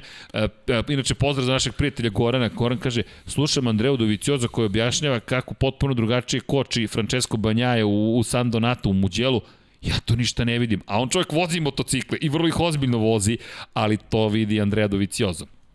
Što nas dovodi? Do čega? Ili koga? Ili ti Aprilije? Nemojmo zaboraviti Apriliju u celoj ovoj priči očekivanja stalno imamo ili želje možda od Aprilije, Aleš Espargaro, međutim kao da je sad ušao u onu fazu da je svestan mogućnosti motocikla i da sad opet počinje da prelazi granicu. U tri trke Da. dva puta nije stigao do cilja. I pokazuje koliko je nestrpljiv za neke Jeste. stvari. Jeste, a da je osvojio dva puta po 7 poena, to je 14 bodova, umesto 44 ima 58. Pozicija 7 i relativno je blizu Maverika Vinjalesa. Ovako 44 poena, 10 poena iza Oliveire i ne računamo prosto na drugog vozača Lorenzo Savadori osvaja poene, pohvale za Savadorija, ej ljudi ostaje na točkovima, takmiči se sa najboljim vozačima sveta i dve trke za redom po jedan poen. Tako da Savadori ovako ili onako četiri boda ima, to je za poštovanje u svakom slučaju, ali najviše očekujemo da Aleša Espargara ne znamo šta da očekujemo, opet dobar test u Barceloni, Aprilia stalno napreduje, stalno radi, više čekamo 2022. i Dovicioza u toj, toj kombinaciji i novi motocikl i sve ono što sprema Aprilia, ali ne samo da ih zaboravimo. Ovde mi deluje opet da, da postoji mogućnost da vidimo jedno vrlo lepo izdanje Aprilije. Makar je to moj utisak, nekako tumačim na osnovu Hereza, Nije da su slični toliko, ali opet može da se traži, traži neka paralela. Relativno kratke staze su u pitanju. Pa relativno kratke staze, verovatno neki setup može da pomogne, ali to je ono ključna stvar da, da, da, da otkriju najbolji balans motocikla, jer mi u ovom trenutku ne možemo, ne možemo ni da znamo na što su usmereni vezani, vezani za razvoj, ali, ali definitivno je ovaj, možemo da, da, da, da naslutimo da je neka priča ovaj neko neko preslikavanje razvoja KTM jer vidimo da da je KTM na na na dobrom putu sa sa tim motociklom i nema nikakvog razloga da Aprilia ne razmišlja na na slični način osim ako tu sad ne postoji nešto vezano za za neku tradiciju, neku njihovu želju da i oni naprave moćan motocikl poput poput Ducatija. To možda nije nije baš pravi put u ovom trenutku, ali to ne možemo mi da, da utičemo na to. Ja bih eto najviše volao da dobijemo još jedan KTM u, u, u tom nekom takmičarskom smislu. Ovaj, tako da na ovoj stazi mož, možda možemo da, da, da, da dobijemo neki, neki odgovor u kom, kom smeru se kreću, ali nisam siguran da, da tu može da bude nešto više od tih njihovih standardnih petog, šestog, sedmog mesta. Čekaj, si rekao KTM to... ili si rekao... Ne, ne, zaprili, zaprili. Napravili, zato zaprili, nego, mislim, nego, KTM ne, ne, rekao sam KTM u smislu ovaj, okay, okay. vezano za, za, za taj nek, neku smernicu razvoja. A, da bi bilo dobro da, da, da, da to, to, to, da to prate. Moment, da, da, da, da. Ne, bi, ne bi bilo dobro da, da, da im je ideja da prave moćnu mašinu kao Ducati. Na, na to se misli. Pa i ne ali, prave. ali kažem, peto, šesto, sedmo mesto, to je neki i dalje maksimalan domen, čini mi se u ovom trenutku. Ok. Da, ne, ne verujem da, da, da možda, možda pa, sad pazi, neki... peto mesto znaš, bi bio najbolji plasman ove godine. Da, to da, je opet, da. koliko god pričali Aprilija, tu je, tu je, tu je, tu i gledaš kako se bori. Ja iskreno mislim pa, da bi mogao... Je, mislim, iskreno teško je. To Znaš je, kako? baš treba splet okolnosti da bude. Mislim da u kvalifikacijama može da uradi malo više. Da tu može da sebe obraduje, da dođe do tog prvog startnog reda. Aprilija nikada u istoriji Moto Grand Prix nije bilo to prvog i znaš startnog kako, reda. nikad, nikad ga nismo dobili na čistoj stazi. On je uvek u neko, nekom duelu, nekoj borbi, odbrani pozicije, napadanju, ni- nikad, nikad nismo imali april tokom trke na, na, na, na, na čistoj stazi, što generalno i teško u, u ovoj, ovoj konkurenciji, tako da ovaj, to, tu nam ostaje da vidimo u stvari šta možemo da dobijemo od tog motocikla. Dobro. Ali E sad ovde, ako već smo u prošlosti imali te neke malo veće razlike, možda možda se desi da vidimo šta on može, na primer, sa neka, neke 2-3 sekunde prednosti ovaj, ispred nekog rivala ili 2-3 sekunde za ostatka, pa nekih čistih 5, 6, 7 krugova da vidimo u stvari šta može da uradi. Četiri pobednika do sada, da. samo da to isto ne zaboravimo. Da. da ima, ima tu sad i pitanje, ne mislim konkretno na Aleša Spargara, ali da li ćemo dobiti nekog novog pobednika u celoj ovoj priči, koliko god da imamo uzbuđenja, četiri pobednika nije loše, ali eto, možda peti, še, peti ne bi bio zgorek da se pojavi u ove dve trke ili šest čak da ih imamo novi, da ukupno dobijemo još dva nova pobednika u ovoj sezoni. A ukupno, Zarko koji nastavlja, ok, da juri, da vozi konstantno, čisto da ga ne zaboravimo, Joana Zarka, nekako se svelo na Ducati, ali Zarko koji mislim da da mora da ostvari triumf. Ne vidim to ovde nužno da će se desiti, iskreno mislim da ćemo Zarka najviše videti zapravo tek u Red Bull ringu, na Red Bull ringu. Holandija nisam siguran kako će, Holandija će mi biti najveća enigma, ali ok, nećemo otvarati Holandiju sada, narednog, narednog srede ćemo i da analiziramo ovu trku koju sada najavljamo i da najavljamo veliku nagradu Holandije. Ej, znaš da si utorak na podcastu Formula 1? Jel jesam? Da, da, da, Ja, čisto da znaš. Nisi dobio memorandum, ali da te obavestim, to će biti Lab 76 broj 200. Čisto da znaš. Da. Sad vam je 200... Da... Tako Aha, to je, to, dobro, tako dobro. je, Mr. Potkonjak. Da, da, znam da ste spomenjali. Da, tako da. je, tako je. Važi, važi. Da. Dogovore. Silno se obradovao, neki. Ma, nema, nema problema. Ok, super. Super, hvala vam ovaj, Da. na pažnji i laku noć. Inače, čekamo i da vidimo da li će nam se pridružiti i Baki Pralica. Popularni Mr. Branislav Pralica, bilo bi lepo. Bio bi red, da. Bio bi red, da, bi, jel čuješ Branislave, bio bi red da se pojaviš. Branislav koji, što kaže, pa je u šljaci, uglavnom, dakle u ovim bojama je, ali Branislav Pralica, naš pre svega prijatelj i divni kolega koji je pre svega čovjek koji se bavi profesionalno pa možemo reći tenisom i čovjek koji podiže neku novu generaciju, nadamo se, uspešnih tenisera. Tako da, otišao je nekim drugim putem, ali kamera je ljubav njegova stara, to je ne toliko kamera koliko mikrofon, ali stavit ćemo ga ovde pred mikrofon, pa i, i, i možemo naš četvorice da budemo. Ovo odavno nismo imali taj moment. Dobro. Eto, Vanja, obaveštenja. Mislim da sam smislio nešto ludo upravo.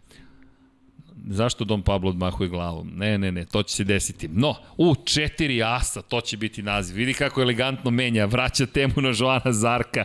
Hvala Vanja. 23. 6. 2. 11. 11. nije završio trku, drugi prvi, 9. 9. nije završio trku. Ima uspeha na ovoj stazi. Roller coaster. Ali, lepo rečeno. Roller coaster kao staza što ide gore, dole. E sad, ako pogledaš trend, poslednja trka je bila dole. Tako da po logici stvari bi trebalo gore. Drugo mesto više nije iznenađenje, to je standardno, zakucano za Žana Zarka. Pobjeda, pobjeda, pobjeda je preko potrebna, što njemu, što Pramaku. Mislim da će i Pramaku da da će i Pramak dodatno da poleti, da posle 20 godina dođe do prvog trifa, četiri puta drugi ove godine. Ma dobro, to je nije veliki uspeh. stvar, veliki to je, uspeh. To je sjajno. Biti tako konstantan je zaista Sjajno, velika sjajno. stvar. Čak i kad ne, negde kiksne, završava trke. Jedini, jedini nezavršena kvar. I opet se vraćamo na to da, da nije se desilo, vodio bi šampionato, ali imao je problemi Quartararo. I ono što takođe mislim da, da, da, da da u celoj priči, ajde nekako, kao da nismo istakli, to su dve osobe, jedna jeste Maverick Vinales koji je nepoznanica, ogroman znak pitanja, ne znam kako da najavimo osim to, možda će biti ora trka, možda neće. Da, toplo hladno potpuno. Da. Saznaćemo nažalost, nažalost više hladno, ali... Ove, u nedelju ćemo znati. Da, da. Čak ni kvalifikacije dobre više ne garantuju dobru trku za Maverika Vinjalesa. Pričali smo posle njegovog Katara da je to šampionsko izdanje, Jest. ali od, od, tad, od tada tog peti, šampionskog izdanja nigde nije bilo. 11. 7. 10. 8. 5. Ni blizu da je, plasmana da je na pobedničko 50% pružio kao, kao na, na toj trci, sad bi bio negde tu na nivou Zarka. Minimum. Tako a on ima da, duplo manje poena. On ima duplo manje poena. Mislim, nema baš tako duplo da. manje, ok, 40 poena manje ima, ali već polako ide ka tome da ima da. duplo manje bodova. I daleko od bilo kakve pobede. I Franco Morbidelli, i šta smo rekli na kraju za Frankija? Da, Franki, ovaj, njega smo kao, eto, ostavili za kraj. Ovaj, eto, poenta je, ne mora ništa znači, ali on vozi motocikl koji je bio na, na, na toj stazi 2019. Pod, podaci postoje, motocikl je unapređen, ovaj, jedini problem, ovaj, ja nisam znao da, da je tolika stvar, ali on se još uvijek oporavlja od povrede kolena. Tako Da, od onog pada to je, koji to je bitna stvar, olakšavajući okolno što je bila ova malo pauza, eto, nadam se da, da, ovaj, da će on biti fit za, za Sachsenring i generalno on je čovjek od, od koga može da se očekuje dobar plasman ovaj, u, u Nemačkoj, posebno što, eto, na neki način kad, kad povučemo paralelu u odnosu na, na prošlu godinu, on podsjeća na, na, na, na Joana Mira i, i, i, na njegov pristup samoj trci i može da se desi da, da eto, taj stari motocikl na ovoj stazi ne bude toliki hendikep za njega. Tako da vidjet ćemo, ali mislim da je najvažnije pre svega da, da, da bude spreman. Ono što je kod Franka Morbidelli je problem jeste nešto što je on počeo polako da spominje ukoliko pratite GP1 preporučujem da ga pratite, ponekad ima senzacionalističkih tekstova, ali imaju puno informacija, pogotovo kada reč o italijanskim vozačima. Ono što, meni se dopadaju njegove izjave, iako vrši jasan pritisak na Yamahu i generalno na Petronas da mu obezbede mo, fabrički motocikl, rekao je da ono što ga je šokiralo jeste, u Kataru se čak šok, šokirao i rekao da je bio toliko siguran u sebe posle vice šampionske titule da kada je stigao u Katar to je bio jedan, jedan ogroman šok za njega koliko su ostali napredovali a oni nisu i onda u Muđelu da je shvatio da toliko vremena gubi na startno ciljnom pravcu da nema, da je veoma teško boriti se za bilo kakvu zbiljniju poziciju. I to je ono što možemo da vidimo. To, ta Yamaha ovogodišnja je značajno napredala u pitanju maksimalne brzine. Značajno. To ne znači da ugrožava Ducati, ali više nije toliko slabašna. A opet, smo imali situacije u kojima Ducati izgleda kao No, videli da smo bez Barcelona. pretiče Videli smo. Barcelona Da. što se tiče Yamahe, da. I ono što uh, je rekao da je za njega taj začarani krug, kaže kad situacija je takva da ja promenim vozački stil, ali onda ne mogu da vozim onako tečno i glatko kako bih ja volio i onda dođeš u taj krug prosto i svaki put si nekako konstantno u, nekoj bici. Ono što je zanimljivo rekao je da bi on volao da ima optimizam Valentina Rosija, koji šta god da se dešava i dalje ostaje optimističan i to je pretpostavljeno da jeste jedno tajni Valentina Rosija, da ostane pozitivno u, u cijeloj ovoj priči.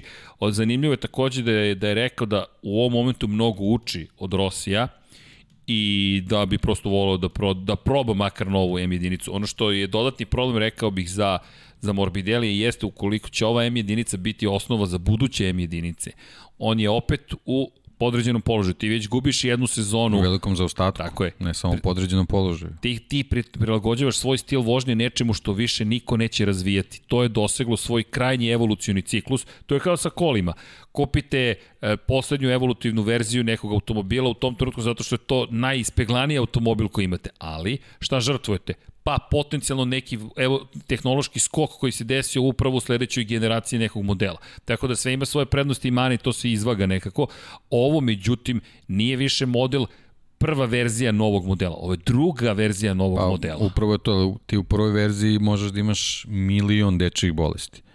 To, je, to se dešavalo prošle godine. Znači, u, u proš, prošloj sezoni, što se možda na kraju vidi na krajnjem rezultatu, ovaj, Morbidelli je bio u povlašćenom položaju čak u odnosu na vozače koji su se upoznavali s novom To je to, ti imaš ispeglan motocikl. Tako je, a ovo je sad neka sasvim, sasvim druga priča i, i veliki zaostatak za njega, to smo, to smo ovaj, već rekli. Ali da se vratimo na početak priče, staza gde se ne prelazi 300 km na čas. E sad, nije tako jednostavno, ubrzanje je ono što je moć i tekako ozbiljna kod Ducatija i to će, ja mislim da ćemo opet vidjeti Ducati koji ozbiljno nadoknađuje ono što se propusti u krivinama, ne toliko da može baš da, da bude kritična stvar, ali mislim da treba obratiti pažnju na izlasku iz krivine koliko će tu Ducati. Da, ali imamo dobro. klackalicu vezanu za ubrzanje, dok sa druge strane imamo kočenje. Jeste. A znamo da je Mahe tu stvarno mogu da, da budu dobri. Na Quartararo posebno, da, na kočenju, da. baš je bio impresivno. U krivini broj 5, kako vozi u Barceloni, uh, baš je bilo dobro. I ostaju nam naravno Novajlije, dakle, Novajlije ja se iskreno nadam da će nastaviti da rade ovo što su do sada radile, što Bastianini koji je 13. u šampionatu sveta, što Jorge Martin koji prosto eto vraća se polako li sigurno u igru, potrebno da vidimo još jedno dobro izdanje, ponovo Jorge Martin svoje pobodove u prethodnoj trci, to je već pozitivna stvar, stigao do cilja 14. stigao, stigao, naravno Luka Marini, zanimljivi su mi i Bastianini i Marini. Bastianini ima dve nezavršene trke, s druge strane Marini je sve trke završio. I baš se vidi to Marinijevo polako. Učim, učim, učim, učim, učim, učim, učim. 3 puta 12 ove godine. Dopada mi se taj razvojni put. Mislim da se drži držim palčeve da ćemo imati priliku da razgovaramo ove godine sa Lukom Marinim, baš da ga pitamo, s obzirom na činjenicu poslednji put kada smo imali intervju s Marinim, smo baš pričali o tom prilagođavanju novoj Moto2 kategoriji, novim širim zadnjoj gumi, novoj elektronici, novoj, novom motoru, Triumfom V, tri moto, zapravo trocilindrašu generalno nije V3, nego trocilindraš klasičan, redno postavljen, ali 760 kubika nasuprot CBR-u od 600 kubika koji je bio osnova za Moto2 kategoriju pre toga, u prvih 9 godina kategorije. I ukoliko eto bude prilike da ukoliko želite u, nadam se da ćemo imati prilike trenutno razgovaramo sa ekipom VR46 pa ukoliko imate pitanje za Luku Marinija odrite u komentarima sada na YouTube-u pošaljite ih i čak i ukoliko gledate u snimku, ostavite, možda uspemo i da ih postavimo. Ne garantujem, ali eto, pokušat ćemo, pošto obično imamo ograničeno vreme kada pričamo s vozačima, bilo koje kategorije kamoli Moto Grand Prix, ali ukoliko bude zanimljivo pitanje, eto, postavit ćemo ga, tako da znate. I polako li sigurno dođe smo mi do, do, do čega? Do toga da treba da se pozabavimo i ostalim kategorijama, no pre nego što krenemo na ostale kategorije, samo bih istakao šampionat konstruktora. Yamaha 143 poena, Ducati 143 poena. Mi u poen imamo ponovo situaciju kako smo imali s kraja prošle godine, da u šampionatu konstruktora je potpuno izjednačeno stanje. Ducati osvojio dve titule u svojoj istoriji kada je Stoner osvojio titulu, u konkurenciji vozača i prošle godine kada je Yamaha bila kažnjena, nemojmo zaboraviti, Yamaha pokušava da se vrati na tron koji Honda drži već godinama, zahvaljujući pre svega Marku Markezu, KTM 83 poena, Suzuki 82, nemojmo zaboraviti, KTM je na prethodnoj trci pretekao Suzuki došao na poziciju broj 3 u šampionatu konstruktora i onda imamo bitku između Honda i Aprilije, koliko god to čudno zvučalo, 52 poena za Hondu i 45 poena za Apriliju, Honda koja je u katastrofi, 12 najbolje plasirana Honda u Italiji, 11. najbolje plasirana Honda u Kataloniji. Da se podsjetimo Aleša Espargara, njegova sedma pozicija je velika stvar za Apriliju. To su poeni u ovom trenutku u ovoj ranjenoj Hondi koja može da dovede Apriliju toga da bude na petoj poziciji i ispred Honda. Da, to je opet nešto što nikako ne ide u prilog njegovom bratu. To je ona, ona priča s početka. Da, Da, to, to me nisam ni znači, razmišljao. Znači, kad se napravi paralela između Aprilije Alešove i, i Honde, wow. pola pol stvarno nema, nema puno prostora za izgovore, bilo kakav. Aleš 44 boda, Pol 29. Jedan je na Apriliji fabričkoj, drugi je na fabričkoj Hondi. Na Repsol Hondi. To moram ti priznati da nisam da. ni, ni pro, da. Pa evo ja sad, profesor, sad, sad, molim kad vas, si, sad kad si ovaj, spomenuo, nisam ovaj, čak ni razmatrao nešto da tu napravimo neku paralelu, ali eto, to je, Otvorila to se je priča. ta, otvorila se priča. U, mislim da će ovo Kao, postati kao tema. što postoji ona priča što si već najavio da će biti katastrofalni obojicu u Barceloni, ponovo su bili. Čekaj, To je nešto što, što se ponavlja iz, iz, iz sezone u sezonu, ali, ali ova priča vezana za, za bodove, kad neko sedi na motociklu koji se razvija, a neko je u ekipi koja, eto, kako god tebi pružila, ne pružila podršku, to je Repsol, Repsol Honda, Honda. nikako, nikako jednostavno. Ne, ne može, ne može da, ovaj, da postoji bilo kakvo opravdanje. Dobro, pratimo. Da, inače neko nam je rekao ćete da počnete da slažete ove stvari, pa jednog dana ćemo početi da ih slažemo. U broju 76. Ej, a ovo, pa to će baš da traje. Ali svašta Pa, ćemo da uradimo. To imam ja jeste vremena, cilj. nije problem. 37 časova je cilj. Ja mislim da se približava taj moment. Šta ti misliš? Pa mislim da da. Ok. Eto, teasing, teasing, ali nije više ni teasing. Mislim da je došlo vreme za takve stvari. Dobro, idemo mi na Moto dvojke. Biće letnje pauze. Biće letnje, ne pauze. Ja, pa da, pa to je taman taj moment. Ok, deki. Mislim da smo se već dogovorili. Dakle, vreme je za Moto2 kategoriju. Moto dvojke. Pa sve je jasno. Sve jasno. Opet su majicama. Da, to je ta majica, je ali to, vidiš, to je ti imaš crvenu boju, ja imam KTM-ovu boju, za Moto dvojke lak je opis. Red Bull, KTM, Ajo. To je ta ekipa, međutim, ja bih i dalje, moram priznati da je meni najveće otkrovenje Remy Gardner posle duže vremena. Ok, ajde da sačekamo još, ali ova pobjeda u Kataloniji, ja, i sada pričamo o testovima, ovo je sada, na, ovo, su, ovo je takav test, Nemačka i Holandija, ukoliko Remi tu bude opet drugi pobjeda, na primjer, pobjeda drugi, uf, to je šampionska Ovo je test iz više aspekata vezano za, za KTM Ajo je da li, da li su ova dva momka zaista toliko dominantni. Da, da, to je, to je To je to. Je.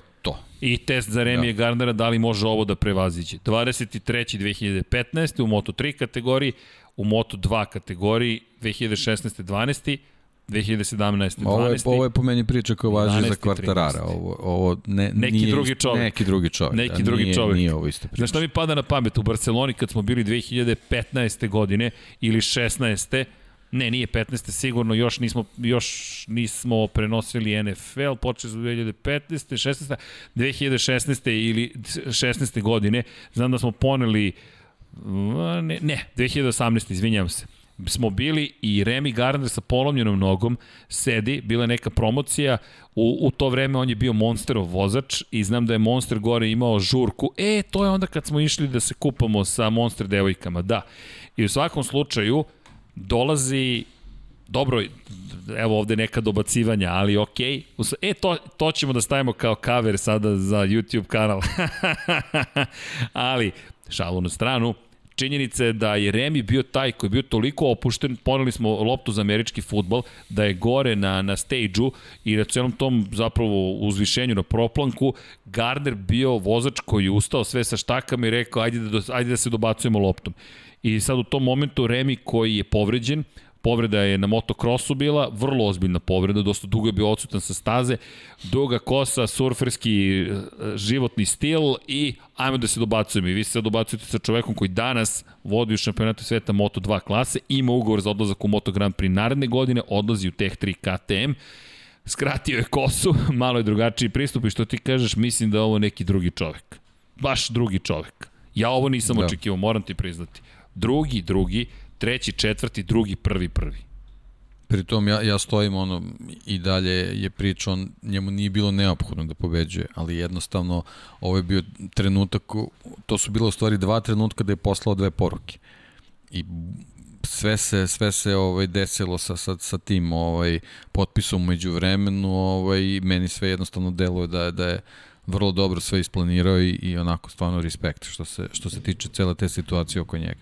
Da, i kako je okrenuo u poslednje tri trke, da. dvostruke, tri dvostruke pobede. Kako smo počeli da pričamo o, o, o Raulu, on je rekao čekaj, pa ipak sam ja tu i ja sam taj koji treba da ide u, u, u Moto Grand Prix, ja a to stari, smo znali od početka sezone. Jeste, i ja sam da. de facto vozač, da. osnovno rečeno broj 1, to jest ja sam da. taj koji u ovoj ekipi mora da ostvaruje najbolje da, rezultate. Pri tom moramo, moramo ovaj da, da ovaj, da, da, da, da damo ovaj, na, na značaju njihovu dobru saradnju na trkama vezano za, za Raula i Remija. Stvarno ovaj, odličan timski rad, veoma, veoma ozbiljno, veoma odgovorno, bez ikakvog ulaženja rizika ovaj, kad, kad su u pitanju njihovi dueli, nešto, nešto što smo prošle godine videli kod, kod Mira i Rinsa, tako da ovaj, to su sve plusevi koji mogu da dobiju u svojoj ekipi, posebno kako odmiče sezona. Sad samo vidjet ćemo kako se sezona bude bližila kraju, koliko će da postoji taj pritisak i moranje osvajanja titula jednog ili drugog, ali, ali za sad sve deluje da,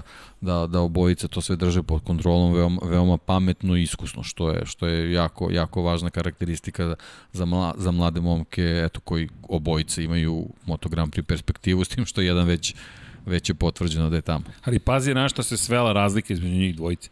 Dve pobede za Garnera, tri druga mesta, jedno treće, pričamo o pobedničkim postoljima. Dve pobede za Raula Fernandeza, dva druga mesta i jedno treće, nedostajemo jedno drugo mesto, jedno četvrto za Garnera i dva peta za Fernandeza.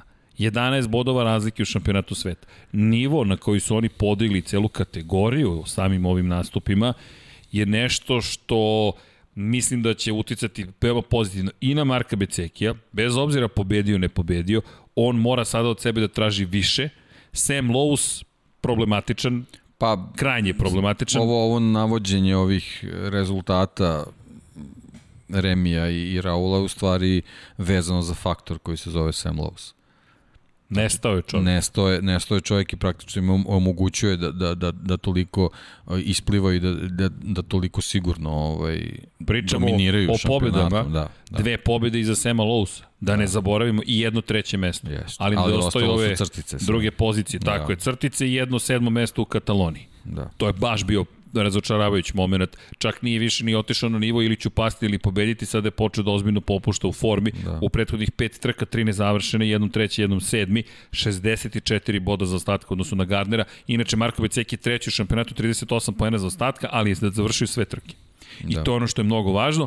Za njega pa, problem... Jeste, mnogo je važno, ali to je, opet moramo se vratimo na, na Remi i Raula. Ako se ovde potvrdi dominacija, ta razlika će ozbiljno, ozbiljno da, da poraste. Mislim da Marko da. ima veoma male šanse da, da postane šampion sveta i da se svodi na greške eventualno vodeće dvojice, ali da. Beceki, kažem, mislim da može da napreduje ukoliko se fokusira na to, ok, kao Gardner, sada je na meni da napravim sledeći korak u napred, ono što nedostaje njemu, rekao bih nedostaje i Semu Lowsu, iako Augusto Fernandez bio mnogo bolji na prethodnoj trci, klubski kolega Mark VDS Racingu su Lowe's i sjajni u na prethodnoj trci Fernandez, ta saradnja između klubskih kolega ili međusobno nadmetanje može da utiče pozitivno na ceo tim.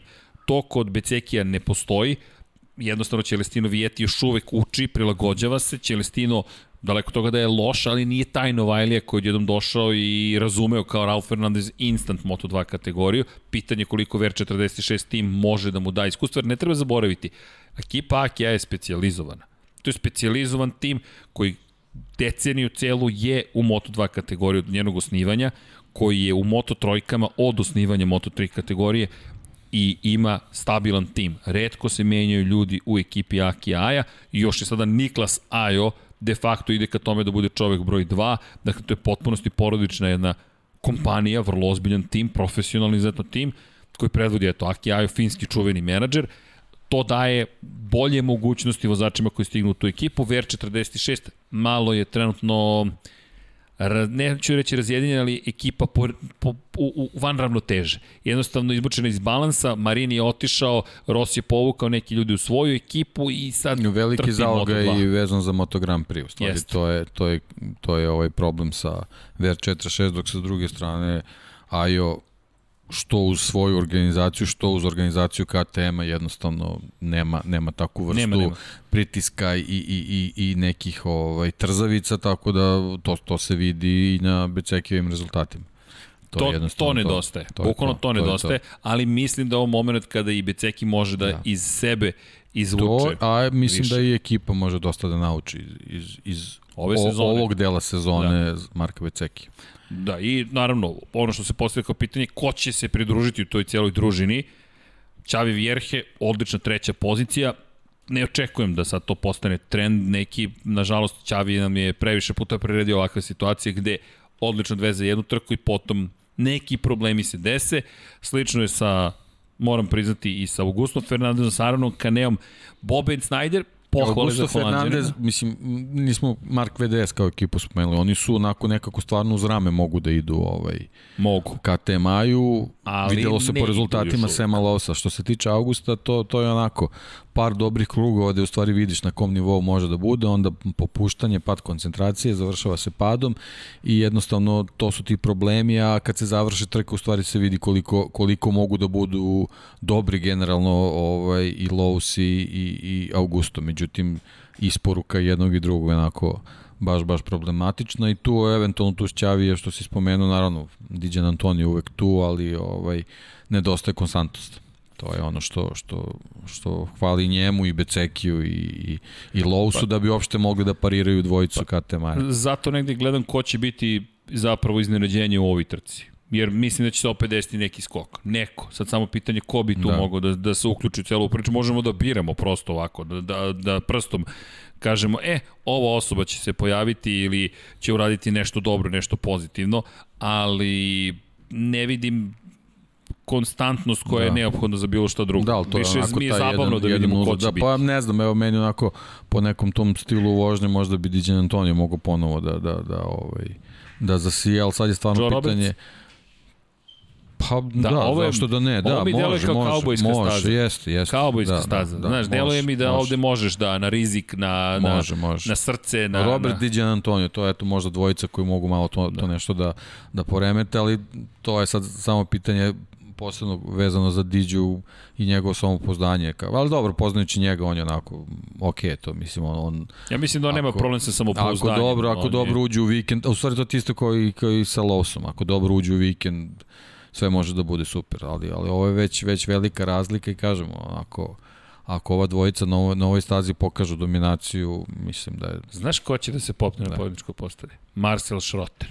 Ajde, Marcel Schrotter će da se popne na pobjedničko postolje. zapiši. U Volio. stvari ne moraš, snima se. Snima se. Sve se snima i emituje instant. Da, Marcel Schrotter. Marcel Schrotter. To je, to, to, to će biti osoba na pobjedničkom postolju. Ok, idemo i na Moto trojke.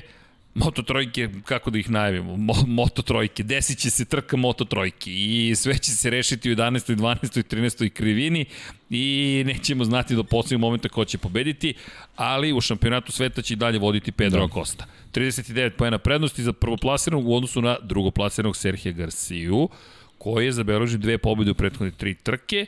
Jaume Masija se spustio ispod 50 bodova za ostatka, jedno drugo, jedno četvrto mesto. Kazne, svašta se tu dešavalo, ali ispod 50 bodova za ostatka i Pedro Acosta posle tri uzastopne pobjede na početku sezone druge pozicije, 8. 8. 7. Malo se već troši ta, ta, to, ali mislim da nije nešto preterano ugroženo. Ništa preterano ugroženo, ovaj, malo su tu eto neke malo drugačije odluke možda u tim nekim finišima ovaj, trke kad su veliki, veliki vozići u pitanju i karavani, ovaj, tako da eto videli smo bukvalno ovaj, jako je bitno ulazak u poslednji krug na kojoj si poziciji i izlazak iz, iz poslednje krivine. Jednostavno možda malo nije imao sreću neke dve trke ali ništa ovaj, dramatično. Ja nešto priželjkujem i nešto sam razmišljao, mislim da možda može da se desi čak u Sakseningu da ne budemo imali takve voziće, pre svega zbog, zbog mesta gde, gde ovaj, Uh, gde će se ovaj videti ko kako koči i ovaj kvaliteti na kočenju. Tako da možda čak dobijemo trku gde nećemo imati onaj onaj onaj klasičan vozič od pet- 15 i više vozača. Tako da po meni možda je to čak i neka prilika za Kostu da da da pokaže ovaj kvalitet posebno posebno na kočenju što smo videli da da da da ima nešto zbog čega je drugačiji od ostalih Ok, sviđa mi se prognoza. Zašto da ne, volo, Zašto volao bih da ne? eto jednostavno dobijemo takvu trku da vidimo kako se onda snalaze vozači u tim situacijama kad se ta grupa malo razbije. Tako da vidi, ovo je ipak, ipak staza gde, gde nema toliko različitih putanja kao što, što, smo, kao što imamo na, na nekim drugim stazama, tako da eto možda možemo da dobijemo zanimljiviju trku u, u tom smislu da, da dobijemo borbu više vozača, ali ne gde, gde nećemo bukvalno do posljednje krivine znati Ima, da jo- ima još jedan argument na, na konto toga šta možemo očekivati od Pedra Koste konkretno u, u, u Saxon ringu. Kada govorimo o Red Bullom kupu Novajlije, ovde se nastavlja kup takmičenje. Pedro je, kada je reč o Saxon ringu, pobedio pre dve godine, nije vožen prošle godine i bio na poziciji 4 u drugoj trci. Vice šampion je bio u debitanskoj sezoni u Red Bullovom kupu Novajlija, šampion u drugoj sezoni, ali i ta prva sezona za Kostu je bila sjajna. Nije započeo prve dve trke, bio drugi, drugi, već u četvrtoj trci prva pobeda u Red Bullovom kupu Novajlija i gled čuda baš na ovoj stazi. Zato kažem, ima, imate neke kvalitete koje je pokazao posebno trkama u kojima je pobedio ove godine, tako da eto, ja tu očekujem da, da vidim tu situaciju, ovaj, um, očekujem malo manje mučenja u kvalifikacijama kao što je, što je bilo na nekim prethodnim trkama, tako da ovaj, ovo je, ovo je prilika da, da, da zadrži ovaj, tu svoju razliku u šampionatu. U, a inače u Red Bullovom kupu Novajlija, samo da napomenemo, inače imamo jedno iznenađenje, uslovno rečeno za vas, a to je Munoz, Alonso, Olgado, David Munoz, David Alonso i Daniel Olgado, vodeća trojica. Dodao bih Dioga Moreiru, s obzirom na činjenicu da iz Brazila. Imamo eto dvojicu predstavnika Južne Amerike, jednog Kolumbica, Alonsa i Moreiru iz Brazila. Tri poena deli vodeću dvojicu, uzbudljivo je. U, baš Da, je Alonso je bio dobar i prošle godine. Jeste. Da, da. Da, godine su tu sada veći problem. Da, da. Inače, njihova sezona će se nastaviti Pa na da, Red Bull to ringu. i opet ono i, i kod, nažalost i u tim mlađim kategorijama sponzorstva su jako bitne ti paketi koje donose, znamo da Južna Amerika baš nije, nije toliko izdašna po, po tom pitanju, tako da da je pitanje kako će ti momci moći da se ovaj udome, nastavku. da, da, ali, ali sama činjenica da je Alonso da se ističe u tom kupu, ja bi eto volao Znaš- bih i njega da vidim sledeće godine. Znaš ko je tu veoma važan? Dorna. Da, da. Iz, pouzdano i ti i ja znamo koliko Dorni znači da propagira vozače sa teritorija gde nema previše predstavnika i iz te perspektive Gabriel Rodrigo ima ogromnu podršku kao redak predstavnik, uspešan predstavnik još pride Južne Amerike. Argentinac zaista ima lepu podršku, dobio je podršku tima, samog Fausta Gresinija, Gresini Racing i dalje tu. Ne očekujemo sad od Rodriga odjednom da se stvari promene. Da li može da pobedi? Može. Biće gotovo nemoguće s obzirom na činjenicu da se ponavljaju manje više i dalje iste stvari, ali eto, pratimo o, o razvoj nekih novih klinaca, mislim da na njih može pozitivno da utiče to i Erik Granado koji u Moto E šampionatu koji se ne vozi ovoga vikenda, dobro predstavlja Brazil. Da, pravi puno grešaka, ima tu i situacije na koje on nema uticaj, koje se odražavaju na njegove rezultate, ali Granado... Ali definitivno je brz. Najbrži Brz. vozač tamo, Jest. mislim, to Jest. mogu, mogu javno da kažem, definitivno najbrži vozač. Sad, eto, neki, neki spletovi okolnosti. Posebno taj, pa, taj pad u Jerezu na, na prvoj trci. Ozbiljna dominacija, ovaj, onda se de, desio to, to gubljenje ovaj, prednjeg, prednjeg točka, da, da Jeste. situacija bi mnogo drugačija u šampionatu bila, da, da ovaj, tu trku nije, nije tako završio kako je završio, ali, ali definitivno najbrži vozač tamo. I I Franco Morbidelli, I polubrazilac. Fra, polubrazilac, da, i Da, nije da. to mala sa... Evo baš komentarišemo ali danas. vidimo da vidimo da to u njegovom slučaju ne znači puno. Dom Pablo, ja komentarišemo sad da ne imenujemo njihovog, njegovog sponzora na ličnom nivou, proizvođač satova, ajde, možemo to toliko da kažemo.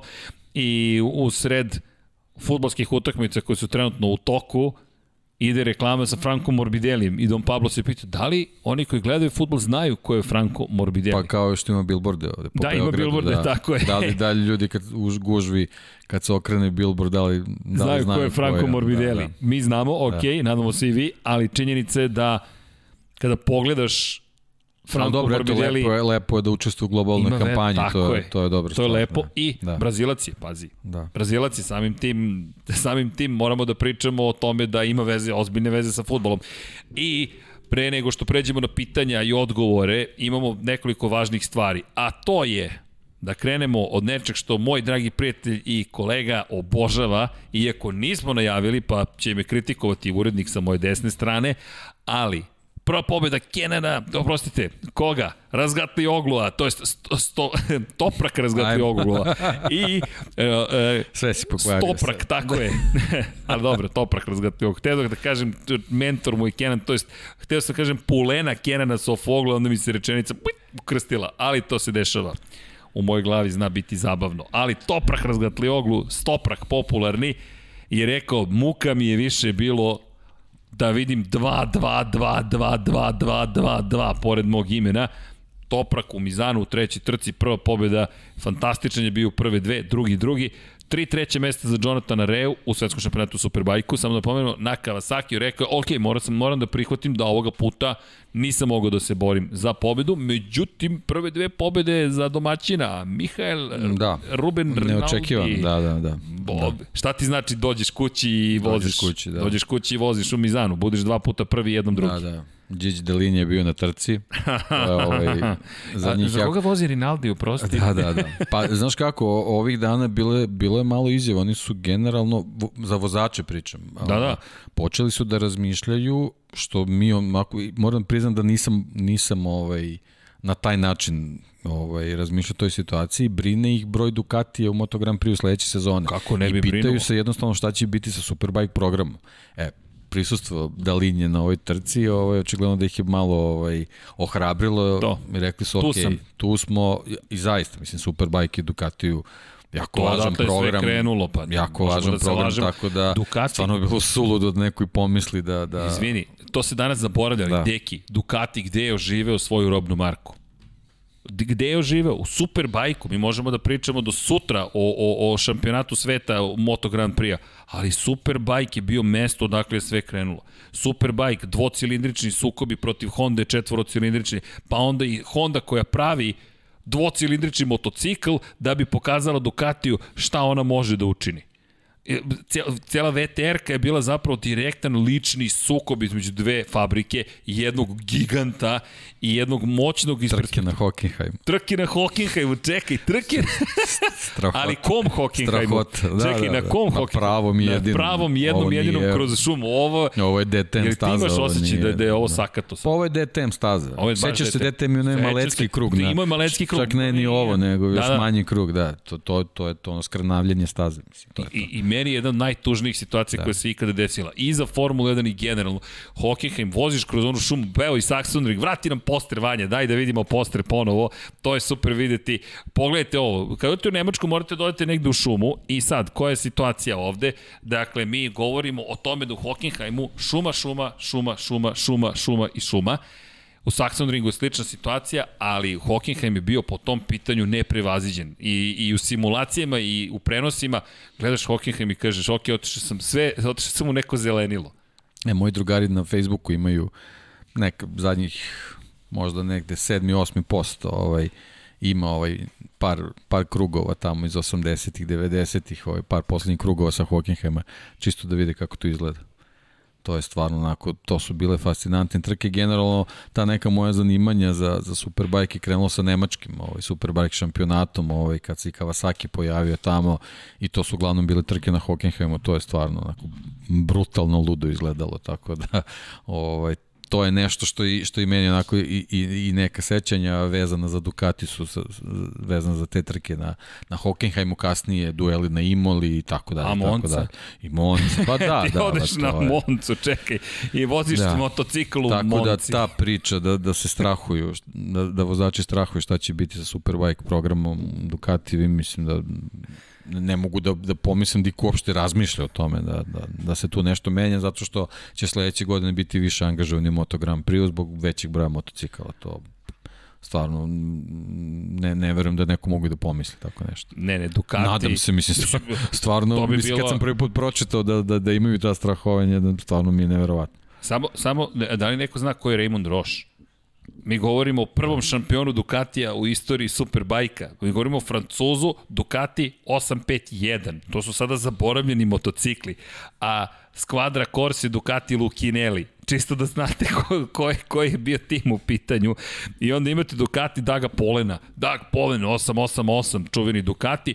I to je taj period kada su Amerikanci takođe bili vrlo moćni. Nekako to je period generalno kada su Amerikanci imali ozbiljne predstavnike. Vi kada pogledate istoriju od Freda Merkela pa nadalje, Superbike je baš bio po tome poznat moram priznati da, da cijela ta istorija, to, tome, e, tome bismo mogli da posvetimo praktično cijel jedan podcast od Honda TV4 RC30 kada je sve krenulo, dok nismo došli do, do, do čuvene Honda RC45 o kojoj, jel te, toliko pričamo.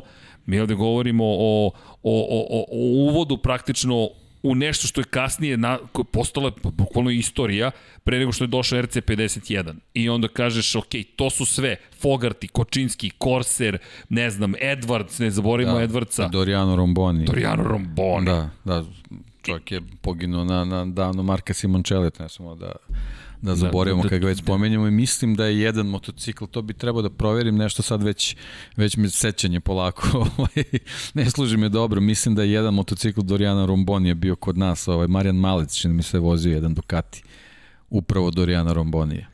Tako da, ovaj, eto, to, to su te, ta, te neke veze, neka sećanja vezana za Ducati i pro, potpuno mi je neverovatno. Evo sad recimo vidimo ovaj, Rinaldi nosi Baileysov broj, znači to, to su te, te neke veze za Ducati, jednostavno nezamislivo da, da crvenu boju tu nemaš ovaj, u šampionatu, tako da Ili nećemo da pričamo. o Ma, tome, ne, ne, ne, da.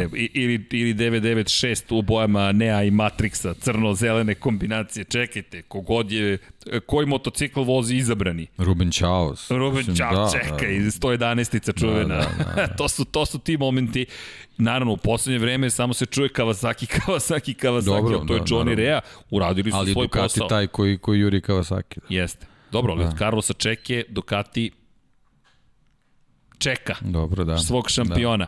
Tako da mislim da da, ja se radujem tome. Da, Inače, Redding definitivno tu kaska, zaostaje. A, da ja Posebno videlo se u, u, u, trećoj, u trećoj trci su videlo, sa teškom, teškom mukom je tu ovaj, priključak se, se držao. Pazi, on je meni super vozač za, za, da. za jedan vikend.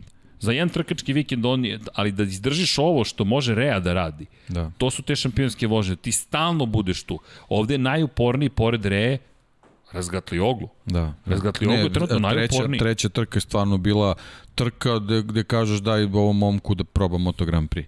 Da. Bukvalno, bukvalno je tako vozio, ali ti sve vreme vidiš da je Rea čak sa Rinaldijem držao priključak sve vreme. I ono čuveno spašavanje da. sada Reje, gde ga Da, poredi da, s Markom Mark, Marquezom. da, da, da, braća Marquez, da, da, da, to je bilo. Pa ne, to je dokaz da i on mora da bude na limitu na ovoj trci. Da. E sad, samo je Re pametan vozač i on, on ne rizikuje tamo gde ne mora da rizikuje. To je bio jedini rizik vikenda I rekao mislim da je, je jedini "Ne, hvala." rizik ove sezone. Ove sezone, ove sezone. Da, da, bukvalno, Ali je morao da Ali rizikuje. jeste, Imao je pol poziciju, sve okej, ali, Da, morao, da, da. ali morao da Da. rizikuje. Ali meni fascinantna njegova izjava posle trke rekao je, kaže Johnny, veština, Ne, ne, ja sam srećom ostao na točkovima. da, da, da. Kaže, nisam Pa to je instinkt, ur- jednostavno instinkt, Ti- jer toliko dugo ti si nešto uradio, u čitavoj tako je. priči da nešto što je uradiš jednostavno nisi svestan da si, da si, si iščupao. Ne, Johnny Rea, Mislim, stvarno, je- stvarno je ličnost. podsjetilo, podsjetilo na, na Fenomenalno. Markeze. Da, jednog i drugog. Da. Ali, ali on tri Možda više na, pozicije. na ono Mar Aleksovo spašavanje. E, Aleksovo više- u Japanu, ono Više mi je ličilo, ličilo na to, da. Da, da, ne znaš ko je bolji to Da, da, da. izgleda. A to u Moto dvojkama, to se pamti. I- Izlazi iz poslednje krivine u Motegi, Ja po kiši. ponovo, ono, ponavljam, Moto dvojke, Superbike, meni, to mi je to. To je to, to je to, to je to, to je to, to je to. Da. Ali dobro, lepo su to oni zaređili, inače Redding 4-3 trke za redom četvrta pozicija, Alex Lowe's 5. 5. 6. opet Da, vidimo ono, da- pričali smo, Alex nije, nije na nivou Nije Reja, ali. Rej je bitan za određene trke, Alex je taj koji drži distancu u odnosu na ostale, tako da bitno mu je da se s vremena na vreme tu pojavi, čisto zbog stanja u šampionatu. Gerrit Gerlof popustio u formi, O, toprak je bolje. bolji, Toprak, to ne, je- Toprak to je, je- to je to, na jednom da, drugom da. nivou. Da. A idemo u Donington, posle, da. idemo u Donington, Da, pa to idemo je- u Asen. To je u stvari prava Superbike priča. to je da. baš ono Da. što želimo da gledamo. A Chase Davis, nažalost, Da, povreda i Jeste, Da. to je, nažalost, to, na, to je jedna od tih situacija koji, koji se privode, ali to je negde, na, mislim da je kraj karijere tu već praktično. Da Pa samim tim što to je izgubio to mesto u to. fabričkom timu, mislim, vidi se, vidi se na trenutak ovaj, Vidi se lucidnost, Da, vidi on, se on, taj on je na privatnom instinkt. Ducatiju, ali vidi se da, da tu postoji još brzina, ali nije, nije to taj nivo. Tako Nije. da, ovaj, sad Nije. Rinaldi je sve sa ovim pobedama jednostavno opravdao je svoje mesto i tu je kraj, kraj, kraj čitave priče za Davisa. Italijan u Italiji, dve Da, da, pobede, da, to, je ad da, acta. Da, da. A pohvalio bih još dve osobe, ali idemo redom do one najvažnije, rekao bih, pobede ovoga vikenda, od prethodnog vikenda. Tri pobede za redom sada Dominika Egertera.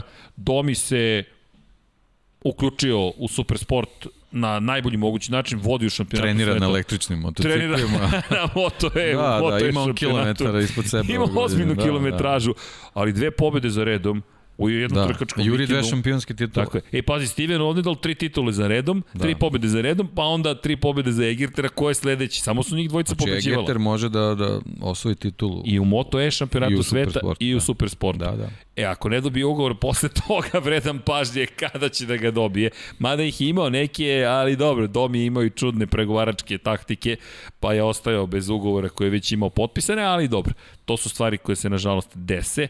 No, za mene, ajde, Adrian Huertas, da spomenemo, Kawasaki vozača, pobedio u svetskom šampionatu u Supersportu, prvoj trci u Mizanu, ali vozi kao devojčica. Ana Karasko. Ljudi, ja se neće koliko da sam toliko se radovao, u tom momentu nisam blizu televizora, ali ovako na mobilnom telefonu i, i, i gledam Manu i ne znam šta da radim, da li da se smem, da li da plačem, da li da vrištim, da li da slavim, inače neka tišina je oko mene, ljudi odmaraju, pauza je i sad ovako, To je ceo komentar bio. Dom Pablo me gleda, ali zna. Mi i Dom Pablo je slavio, svi smo slavili. Teška povreda kičme prošle godine. Ne samo što je devojčica, da, tim pre i zabavnije je Johnny Rea koji prošle godine nosi majicu koja kaže Ride like a girl, jer daje podršku svojoj koleginici, dami koja je svetska šampionka u supersportu i devojci koja ima tešku povredu kičme, koja izađe na stazu i evo, posle prosečnih rezultata, to jest nije bio prosečan dva peta mesta, ok, dođe do pobede. Kakva pobeda i svi Pa, njenu, su se njenu radovali. povredu bukvalno možemo da, da stavimo u rang povrede Marka Markeza. Da, Čisto Da. Eto da, da pojasnimo šta znači ovaj rezultat. da. Njene kopče pozadi, konstantno da. povreda koja je stalno pokrivena jodom zapravo. Oni stalno nju čiste, sređuju i devojka koja nije odustala, naprotiv, vratila se na stazu i zabeležila pobedu i ja moram priznati da je bilo baš sentimentalno. Gledaš, Topraka koji slavi prvi put, Rinaldi koji pobeđuje u Italiji, sve su to sentimentalni momenti, Toprak koji, Stoprak, jel te, sad evo čekam da vidim Jack Miller kako će da odgovori na ovaj izazov, onda pogledaš Domija, nemojmo zaboraviti, od Jasona Dupaskeja je krenulo praktično, u njegovu čast je pobed, tu prvu pobedu koju je zabeležio ove godine posvetio, nastavio taj niz i to da napomenemo, idemo u Saxon Ring, domaća trka za Prostil Grand Prix, Jason Dupasquier će sigurno biti u, u, u, u, prosto u toj garaži prisutan na ovaj ili onaj način i verujem da će ekipa obeležiti. Nažalost, izgubili smo Jasona, švajcarac mladi i, i to... Da, bit će specijalna ceremonija Jeste. na početku trke, njegov broj će biti povučen iz moto, moto trojke. I- što je okej, okay, očekivane okay. potpuno. To, to je okej. To da. je broj 50 koji, eto, pamtimo, ali kažem, i to nekako treba, treba zapamtiti Domija, to kao da je nekako pokrenulo prvu pobedu je posvetio Jasonu, svi pamtimo Jason i nastavit ćemo da ga pamtimo i da ga spominjemo, ali eto, prosto imamo sada i tu drugu priču, neko ko je bio povređen, pa se izvukao, pa se vratio, pa pobedio.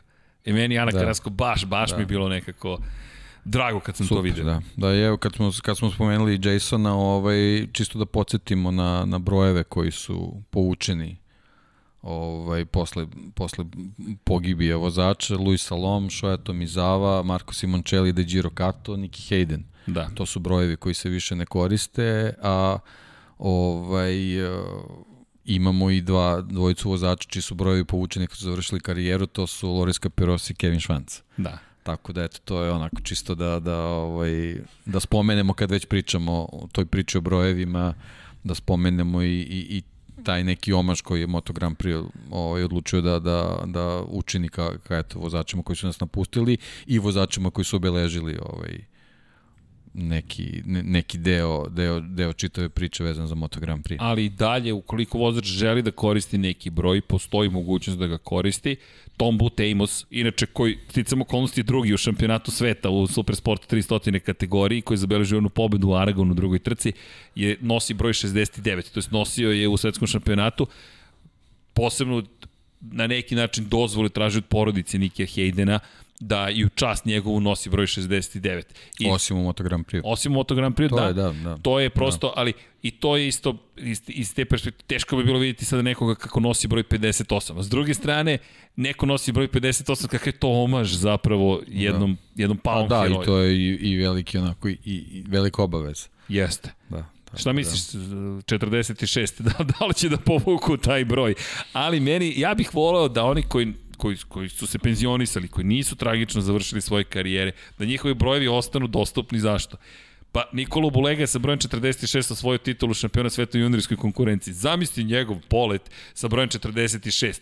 I zanimljivo, u Formuli 1 Lando Norris nosi broj 4, zato što nije imao smelosti da nosi broj 46 koji je želeo da nosi u čast Valentina Rosija i onda je rekao skidam šesticu, tako će neko, zato Kimi koristi broj 7.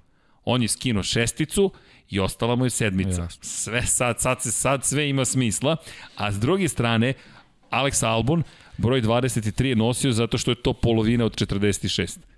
I isto je rekao, nemam smelosti da uzmem broj 46. I zamisli, voziš u Formuli 1 broj 46. Pa i da ne voziš dobro, razapeli bi te. Bukvalno bi te razapeli. Ali, s druge strane, ako voziš dobro, tako da, 50-50. 50-50. 50-50. Dobro, tu je broj 46. Eno je kaciga, potpisana. Gospodin Valentino Rossi je potpisao. S druge strane, imamo i kacigu Jorgea, Jorgea Lorenza, a ono što treba takođe da napomenemo, Deki je koje je posvećeno Moto Grand Prix u večerašnje veče, ja ovo moram da učinim, ljudi, stigo nam je još jedan poklon, i ja ovo moram da, da jednostavno potpuno oduševljenje kaciga Luisa Hamiltona, Ja, malo, e, tako, da se, da, da, se, vidi da. potpis, da. čekaj, opa, opa, opa, opa, opa, opa, evo ga potpis, dakle, na viziru je potpis sedmostrukog svetskog šampiona, čovek koji obeležava jednu eru, 100 pol pozicija, 98 pobjeda, 7 titula, ovo je bukvalno autentična kaciga, to jest ovo je, nije, nije njegova, nije skino s glave, ali to je replika kacige koja se koristi u Formuli 1, Belova kaciga je u pitanju, kao što možete videti, Still we rise. Čekaj da se pomerim tamo gde je depth of field adekvatno. O, hvala, to je voda za mene, hvala. To, pa 76. Deki, kao i uvek car, naravno. Still we rise, poruka. Idete gore, broj 44, samo da vidim kako da to okrenem. Black Lives Matter, koji je prošle godine uveden, to je posebna kaciga. Ekipa iz Monstera nam je obezbedila ovu kacigu, tako da nećemo da govorimo hvala, to mi zvuči nekako lame Da, da, da. ali opet kada pogledaš ovu kacigu i kada pogledaš sve kako to izgleda, ovde da uhvatim, i pratite naravno Lab 76, pratite i Sport klub, pa ćete Da, saznati. čak ima i rip-off, samo, samo da vidim. ne, da, da, da. Ej, to je to. I ode folija. I ode autograf. Ne, sad ko dobije ovu kacigu, ljudi, nemam pojma šta ćete s njom da radite. Ako skinete foliju, Ako nas se setite, setite, se. setite za dan bezbednosti. ja. za dan Lab 76. Moramo da uvedemo dan Lab 76. Ali eto, fenomenalna kaciga. Ljudi, ona je uživo izgleda još 7. bolje. jun. Kako? 7. jun. 7. jun. Bio je pre nekoliko dana. Bio je pre neko, ali may the force be with you. Aha, 7. jun da nam bude dan. 76. dan u godini, Vanje, eto ako imate Koji predlog dan? koji dan, da, koji je 76. dan u godini. Aha, to, da. 76. pa to je neki mart, ali... Dobro, to se, to se menja zbog februara, je li tako? Da. Da, da. U, to je Pa dobra fora, to je zanimljivo, super, nije da. svaki godine. Može, može, može. Imamo, dakle, 28, 31, to je 59 i na to dodamo 17, na 17. mart. 17. mart ili 16. mart. To je neki početak sezone, tamo. To, Pa bravo da, Vanja, bravo Vanja, iskusno, a 99. dan je za 99 yardi. Jel, Kosmos, mo- trebalo bi promenimo broj, neki Kosmos, Ne, Kosmo ćemo računamo u marsovskim ovim danima. Bez veze, bez veze po zemlji. ej, da, koja je godina bila 1976? Neki sol, nešto ćemo da uvedemo. Sol neki, da, da, da. 76. sol. Da. Moram da imamo koliko je solova ovaj, ovaj rover već gore. E, e, da, inače, neko je pitao kada će Kosmos 76. Spremamo se, ljudi. Spremamo se, imamo čak i neke nove postavke, ovde su se igrali sa osvetljenjem. Ekipa Ma, krečili smo, stavili smo tapete. Kad to sve prođe, onda ćemo Kosmo. Neko se ovde bavio ozbiljnim pripremama na planeti Zemlji. Dobro. Pitanja i odgovori. Ako ste još uvek sa nama, udrite like, subscribe, notifike, notifikacije upalite. Danas je bila žalba. Kasno najavljujete kada ćete biti na na kada će biti podcast. Ok, uvešćemo 24 časa ranije moramo da stavljamo Dom Pablo me optužuje za, za, za krivo kletstvo da lažem u ovom Ništa trenutku. pišite kad želite da bude, da bude podcast i ako budemo skupili 400 ovaj odgovora sa istim vremenom, ovaj usaglasit ćemo se to bude vreme ćemo po, vreme- početka. vreme Eto, podcasta, Ne znam što da. 400, da. Dobro. 476. Da, mogu, da, mogu se kažem, I procesor je bio Da. 476, nije 486. da. da, dobro. Ok, da vidimo pitanja da li neko ima, mi smo tu, pa smo tu. Verovatno se futbol odigrava, ali kakav crni futbol, molim vas. Evo, Budoško, Desnačić, 17. mart, 16. mart, to je to. Ko je najbolji na Rosijevom moto ranču? Pitanje za Luku Marinija. Ok, Branislave, hvala za dobro pitanje. Pitanje za obojicu. Imajući vidu negativne rekorde koje postiže Honda Repsol, koliko kredita ima Marquez i Espargaro po vašem mišljenju?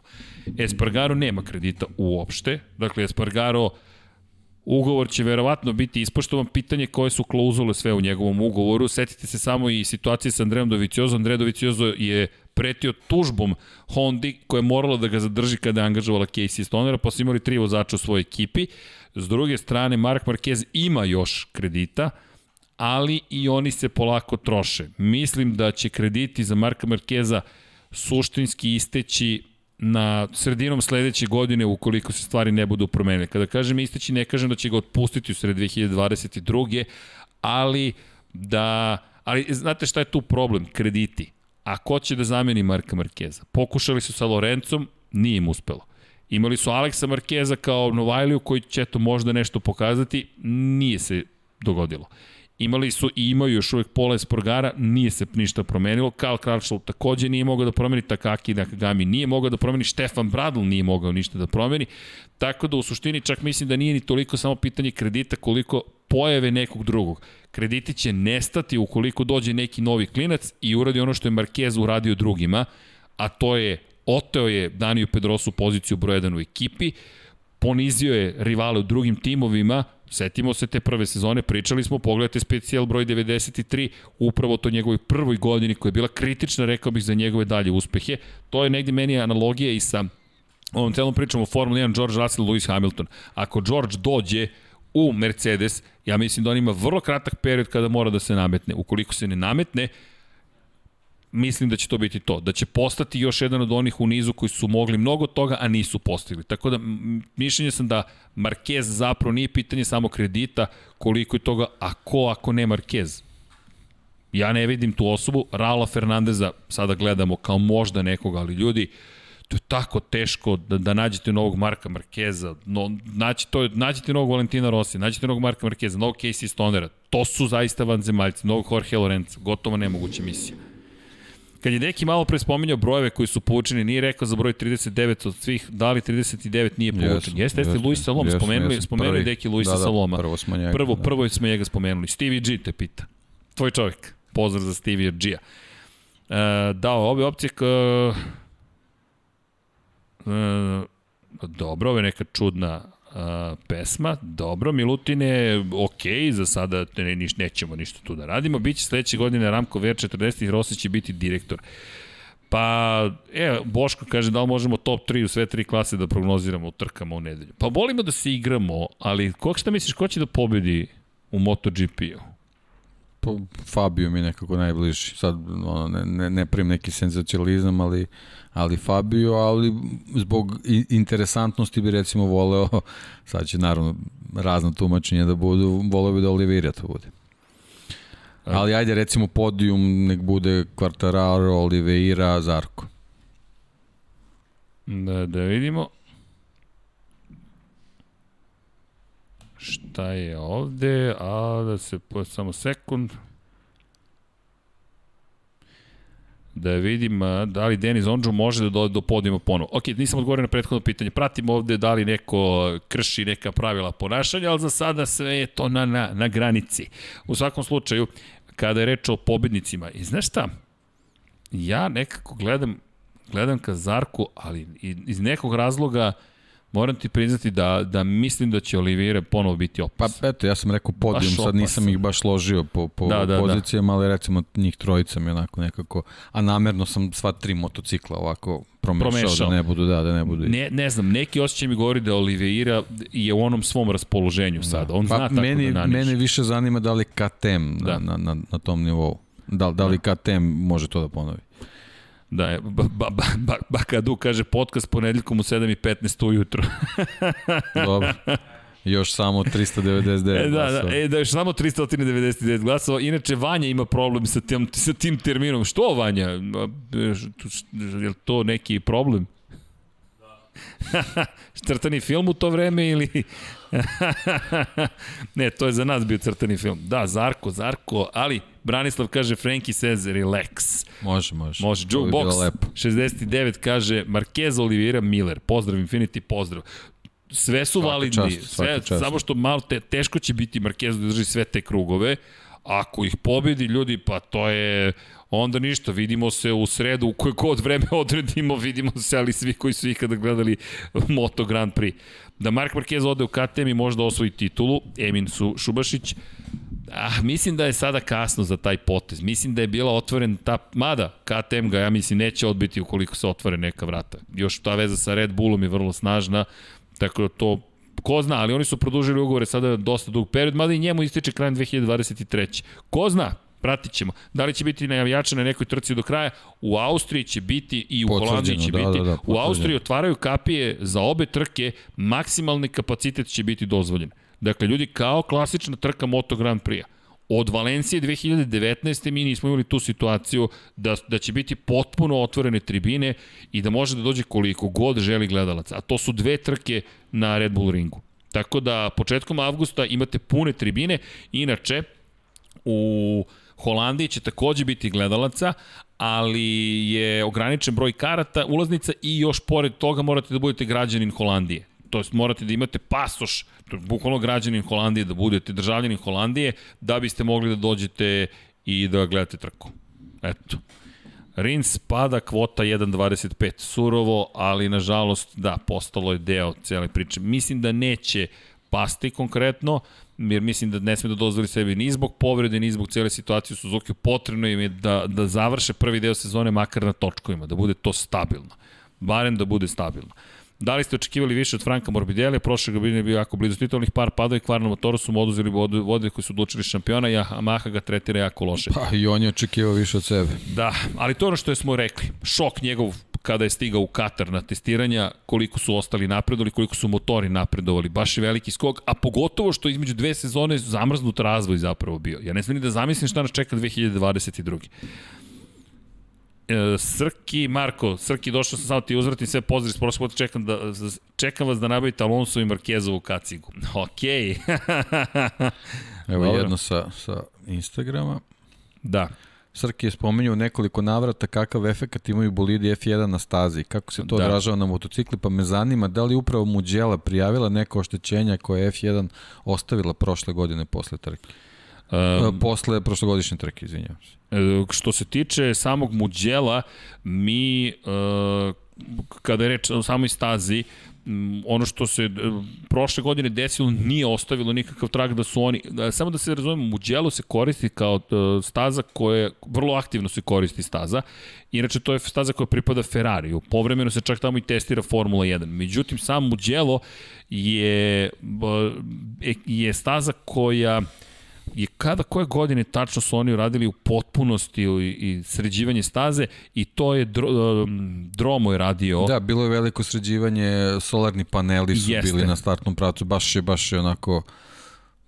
Ima, ima, nije to baš tako skoro bilo. Pa ima nekoliko godina, Pa ne da, mogu sada da se tačno nije, da, da, da. setim, ali činjenica je da su da su uradili vrlo ozbiljno sređivanje staze, drenaža, promena asfalta, e, šta su još radili, e, korekcije, nisu nagiba, to su radili u Maleziji, konkretno u Sepangu, ali se sećam da je baš bilo opsežno sređivanje muđela. Da. Inače, niko nije prijavio nikakav problem po tom pitanju. Šta se obično desi kada je reč o, o Formuli 1?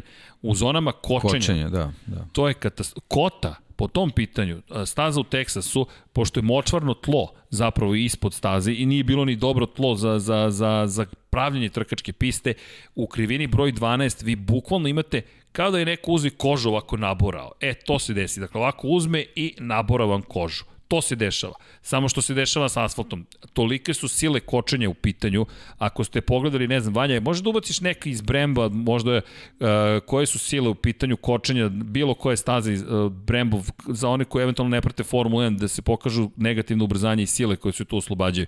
Na tim najsnažnijim tačkama kočenja, ne znam, u Francuskoj je slaba, slabo kočenje, u Baku možda nije loše, i dolazi do takvih zapravo tolikog oslobađanja energije da zaustavni put je toliko kratak da prenos energije na sam asfalt, evo sad odbacit ćemo pogled, sad ne znam šta je Vanja pripremio, ali ovo je Baku. Dakle, obratite pažnju u Azerbejdžanu, ovo je pravac dugačak 2 km i sad šta se događa u celoj ovoj priči? Negativno ubrzanje nije very hard hard je, dakle visokog stepena je negativno ubrzanje, visokog stepena opterećenje, krivina broj 1, Formula 1. Malo pre ste videli 1,4 sile zemljine teže negativnog ubrzanja. Na dva mala točka, na dve male površine. Pogledajte površinu koju ima Formula 1 i negativno ubrzanje je 5,5 sila zemljine teže. Mi govorimo o bolidu koji ima oko 700 kg sa vozačem i smanjenje brzine identično kao i Moto Grand Prix koji ima 160 kg. Dakle, mi govorimo o 200 kg sa vozačem. Pogledajte energija koja se oslobođa. Minus 2891 kW na jednom kočenju. E sad zamislite 20 bolida kada krene da koči. To su problemi koji se dešavaju u Muđelu srećom. Odradili su dobar posao, tako da nismo imali te probleme. Iskreno, eto, nadam se, nadam se da smo malo tu pomogli. Držim palčeve. Da, dakle... Da, još jedno pitanje. Na kojoj stazi Formula 1 bi volio da gledate trku Moto Grand Prix? Na kojoj stazi Od Formula 1? Od onih staza koji sportovi ne dele, da. da. Dobro pitanje. Kako? Ma kakav Monte Carlo, evo, ovde imamo ljude koji imaju želju da gledaju, ne, ne, ne, ne, ne nema Monte Carlo, Opatija je bila Monte Carlo Moto Grand Prix-a, prelepa je, inače Opatija je kao mali Monte Carlo, na koliko niste bili u Opatiji, blizu rijeke, blizu grobnika, ali to je zastrašujuća staza, bilo je nažalost mnogo poginulih vozača, to, to, to zvuči dobro eventualno u igrici, ali koji bih voleo? Pa Spa Frankošam bih voleo da vidim ponovo, plašim se, isto je opasno, možda i, i podjednako opasno. Ma, isključeno, ali, mislim, da, nemoguće. Da, neće se to desiti, da, da. prosto tamo da, da, da se popnete uz oruž. Posebno s ovim modernim ne, Moto Grand Prix motociklima, da, i stazama koje se prave da da budu bezbedne. Ali eto, to bih volao. Da. Pa evo ja sad, kad, kad, je, već, kad je već najava uh, u toku i čitave priče, baš bi volao recimo Paul Ricard, naravno pod uslovom da, da izletne zone budu prilagođene motociklima, volao bi eto da vidim Paul Ricard zato što ima neka tri segmenta gde, gde se zahteva potpuna razlika ovaj, u, u, u pripremi motocikla. Tako da to bi možda bilo simpatično, naravno isključeno u ovoj, u ovoj varijanti ovaj, bezbednosti na, na samoj stazi da se to desi, ali eto, to bi možda bilo zanimljivo onako. Meni je, moram ti priznati sada u glavi Suzuka, kada bi bila bezbedna opet, Suzuka bi bilo je jedna od tih yes. kultnih staza. Prosto i 8 časova Suzuki jeste nešto fenomenalno, ali nažalost od Daijira Kata, pre svega što smo izgubili Daijira Kata, manje više što nije u kalendaru. Ok, idemo dalje. Šta još imamo od pitanja? Mm, Ducati da poleti na pravcu u Monci, mislite da će Honda opet biti najbolji motor? Jerka pitam. Pa, teško, 2022. nije nemoguće. Zašto? Oni su mnogo rano počeli razvoj tog novog motocikla, ja kada pogledate, ostali se više bave ovom sezonom, Honda se uveliko bavi 2022. Tako da neće biti iznenađenje ukoliko uzvrte udarac. Za Honda je ovo poniženje. Honda je ovo potpuno neprihvatljivo. Možda je za neku drugu kompaniju ovo sastavni deo istorije, ali ljudi od 1983. se nije desilo da Honda ne zabeleži pobedu do prošle godine. E sad, prošle godine nije bilo Marka Markeza. Ove godine je stigao iskusni Pole Espargaro, svetski šampion iz 2013. u Moto dvojkama. Markeza u kakvom god stanju se vratio na stazu i dalje ne da nisu blizu pobedi, nisu blizu nisu blizu plasmana na pobedničko postoje. To su ozbiljni problemi i Honda, kao što smo malo prepričali o RC51, o tom čuvenom VTR-u, uložit će, verujem, sve što može. Uzmite u obzir i Takeo Yokoyama, njegovo mesto je takođe pod znakom pitanja. On je tehnički direktor Honda i to je čovek koji je ako smem tako da se izrazim, vrlo nadmeno nastupio pre par godina i rekao, kada su osvojili trostruku krunu, mi ćemo sve da osvajamo i da osvajamo i da osvajamo i da osvajamo. Koliko oprezan treba čovjek da bude i kada je na vrhu i kada je na dnu. Dakle, u tom momentu oni imaju svet pod nogama, trenutno se bore sa Aprilijem da ne budu poslednji u šampionatu konstruktora. Poruka mislim da je vrlo jasna. Ovde ukoliko želiš da uspeš kao i u svakom velikom sportu, nema spavanja. Oni su negde zaspali, oslonili su se na jedinstveni talent Marka Markeza, tako da mislim da će i, i, i Takeo Yokoyama, i Alberto Puig, i Mark Marquez, i Paul Espargaro, svi zajedno da će raditi na tome da se osvete, osvete, da naredne godine se vrate tamo gde obično jesu. Predrag Vukosavić kaže treba da vrate Laguna Seku. Bilo bi lepo. Pitajte Marinije da li on voli da jede picu s majonezom kao njegov brat. Okej, okej. E, zašto se vozači toliko muče da podignu motor kada padnu kao da motori imaju tonu? Nikola, um, bez obzira što je to motocikl od 150 kg, 160 kada ima goriva malo više, 170 Uh, morate da po, probate da podignete motocikl ukoliko niste vozili motocikl 170 kg deluje tako jednostavno, ali nije baš tako jednostavno, pogotovo što, što govorimo o vozačima koji su, hajde da kažem, uslovčeno, ne, ne, ne govorim toliko o rastu koliko o tome koje grupe mišića oni zapravo jačaju, ali ako pogledate... Ovaj oni stojiš na nestabilnoj podlozi zvanoj tako šljunak. Tako je, zvanom šljunak, ti si kao da ste igrali odbojku na plaži. Probajte da skočite na, na, na, na pesku i odjednom shvatite, u čekaj, odjednom ne, zadnji trap je mnogo teži nego što sam mislio. Tako da, deluje jednostavno, ali nije, verujte, ti motocikli, pogotovo što ste vi u tom trenutku kao što Deki kaže, na jednom čudnom tlu zapravo, pod punom ratnom opremom, u I čizmama, pad, potrošena energija i... napeti i tako dalje. Nije, nije uopšte jednostavno. Da li će biti skoro intervju s Rossijem? Eh, radimo na tome. Radimo na tome, ali nadamo se da vidim šta smo, da li smo propustili neko pitanje. Može li mladi turski vozač do podijuma Moto3 ponovo? Dejan pita, može Dejane, Deniz može, svakako. Pa pokazuje da može, eto, tako, on, tako, on ima te svoje nedostatke koje smo već izanalizirali, ne moramo da, da se ponavljamo, samo malo ove da bude staloženi, zašto da, da ne, mislim, Pita Dejan Majkić da li pratimo Kvartarara na Instagramu, ima dobar smisao za humor. Pratimo Kvartarara na Instagramu, pratimo ih sve. Inače, Marina navija za salto unazad, dakle pobedu Zarka. Mm. Uh, Ivan Magdalenić, šta mislite o, MMA, o, o Marku Markezu KTM-u? To ono što smo pričali. Sada je manje izvesno nego pre, pre godinu i po. Zamislite da je Red Bull zaista došao u tom momentu i rekao, evo, 30 miliona godišnje, dođi kod nas. Sad zamislite da je prihvatio taj ugovor i došao u ovaj KTM, ja mislim da bi bilo zastrašujuće, ali nije prosto i, i, i prosto nije to učinio i sad KTM ima druge neke izbore doktoru su Predrevu Kosavović, da, doktoru su Alije Mahu, Felerično kao Valencia i Feler gumu protiv Hayden. Ne, ne verujem, teško je napraviti Feleričnu Yamahu, ljudi, to, to, je, to je, veći vam je posao da napravite Feleričnu nego da imate Rosija koji pobeđuje. Ko, ko ne bi želeo da Rossi pobeđuje u Yamahi ili veći Petronosu ili, napraviti četiri. ili Dorni. Da, ve, veći posao napraviti četiri, to, to, to. Nije Felerična Yamaha, prosto i on čovek kaže, ljudi, ja moram da budem bolji, što Deki kaže, kompleksno je. To ne znači da je Rossi spor. Rossi beleži najbolje krugove u, u, u svojoj karijeri na stazama koje posećuje. To su njegovi najbolje vremena ikada, ali prosto su ostali napredovali i mislim da si savršeno zapravo pokazao gde leži problem za Rosija.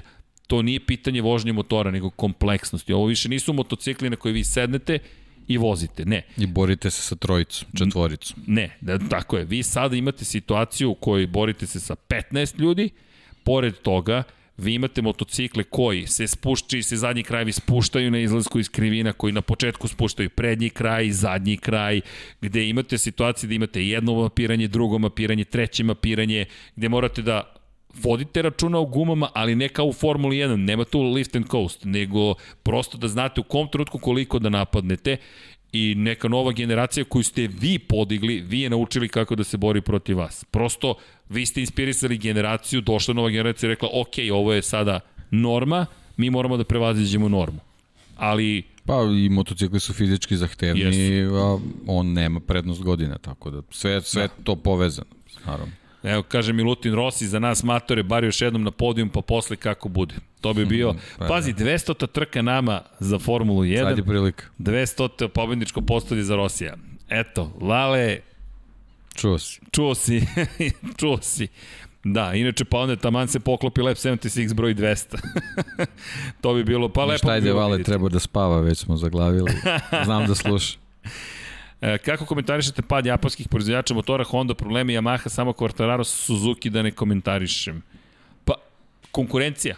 Pojavila se konkurencija. Pojavila se Aprilia koja napreduje, Ducati koji je uložio mnogo toga da uspe i KTM koji je prosto KTM.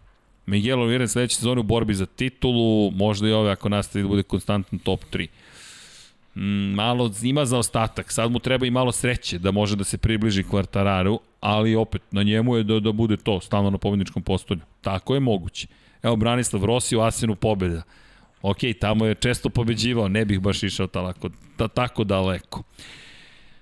Da li stvarno misli da Rossi ima isti motor kao Vinjales i Kvartararo? Da, apsolutno. Pa u stvari u pripremi. Nema istu ekipu. Nema istu ekipu, To je- tako je. to je problem. I, I nikome nije interesu da mu ne da. Ljudi, nema nik... Dorna će da mu da najbolji motor. Da može da mu da hiper motor, ona bi mu dala.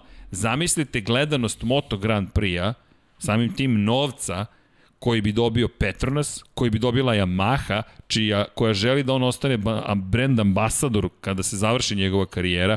Yamahi najveći strah može da bude da bude ambasador Ducatija kada se završi njegova karijera. Zamislite samo e, sve navijače Valentina Rosija koji kažu aha, on sada je brand ambasador Ducatija. Pa šta mislite da će da kupe ljudi koji vole Valentina Rosija? Yamahu, Ducati, koji ili Hondu, pa kupit će Ducati, VR46 specijalno izdanje, replika i tako dalje, tako dalje.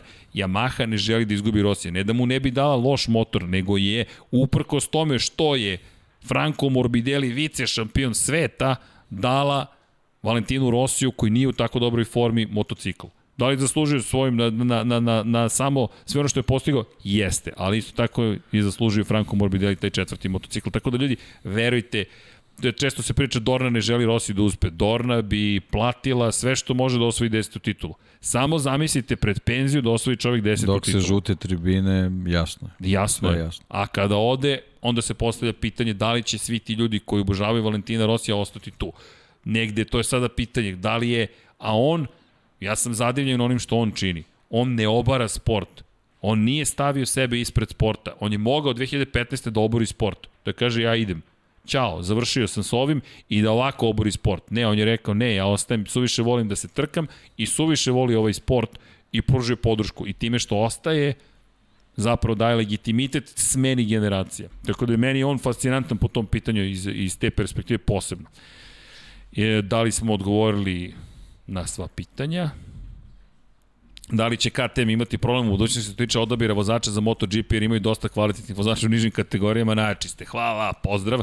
Pa već ima taj problem. Koga dovesti? Imaš Remije Gardnera, imaš Raula Fernandeza, imaš Pedra Acostu, sa kim potpisati ugovor i na koliko, imaš Breda Bindera koga si zadržao, imaš Miguela Oliveiru, imaš Danila Petrući, otpustio si Ikira Lekonu, ali baš imaš onako ozbiljan spisak ljudi koje imaš u svojim redovima trenutno, da li možeš da ih zadržiš? A ima tu još nekih. Miroslav pita može li Mark do podijuma, teško, ali ukoliko je negde moguće u ovoj fazi, onda je to Saxon Ring. Zlatko, zdravo, čao Srla i deki, pozdrav. Nije Rossi Moto Grand Prix koliko god ga hvali. Nije, nije Rossi Moto Grand Prix. To je ono što je fascinantno da je Rossi upravo to dozvolio da se desi da kaže, ok, ovo su neki moji klinci, Franco Morbidelli, Francesco Banjaja, Luka Marini, nije, on nije oborio čak ni Marka Markeza. Koliko god između njih dvojice postoje animozitet. On je samo podigao nivo šampionata. Tako je. Tako da, da li će se osetiti Rosijev odlazak? Oj, te kako će se osetiti. Ali nije, Rossi više nije samo on Moto Grand Prix. To je ono što je fascinantno. Ove godine Rossi se ne bori za visoke pozicije, Marquez se ne bori za visoke pozicije, a trke nikad bolje, nikad više uzbuđenja i neki novi klinci dobijaju priliku da se predstave i sad sve manje se govori ko je Quartararo, ko je Zarko, ljudi počinju da upoznaju neku novu generaciju vozača, tako da i Rossi i Marquez skidamo im kapu. Mislite li da ovako ako se vozi u Moto3 da je Mosto postao malo preopasan, čini mi se da puno vozača baca na sve ili ništa?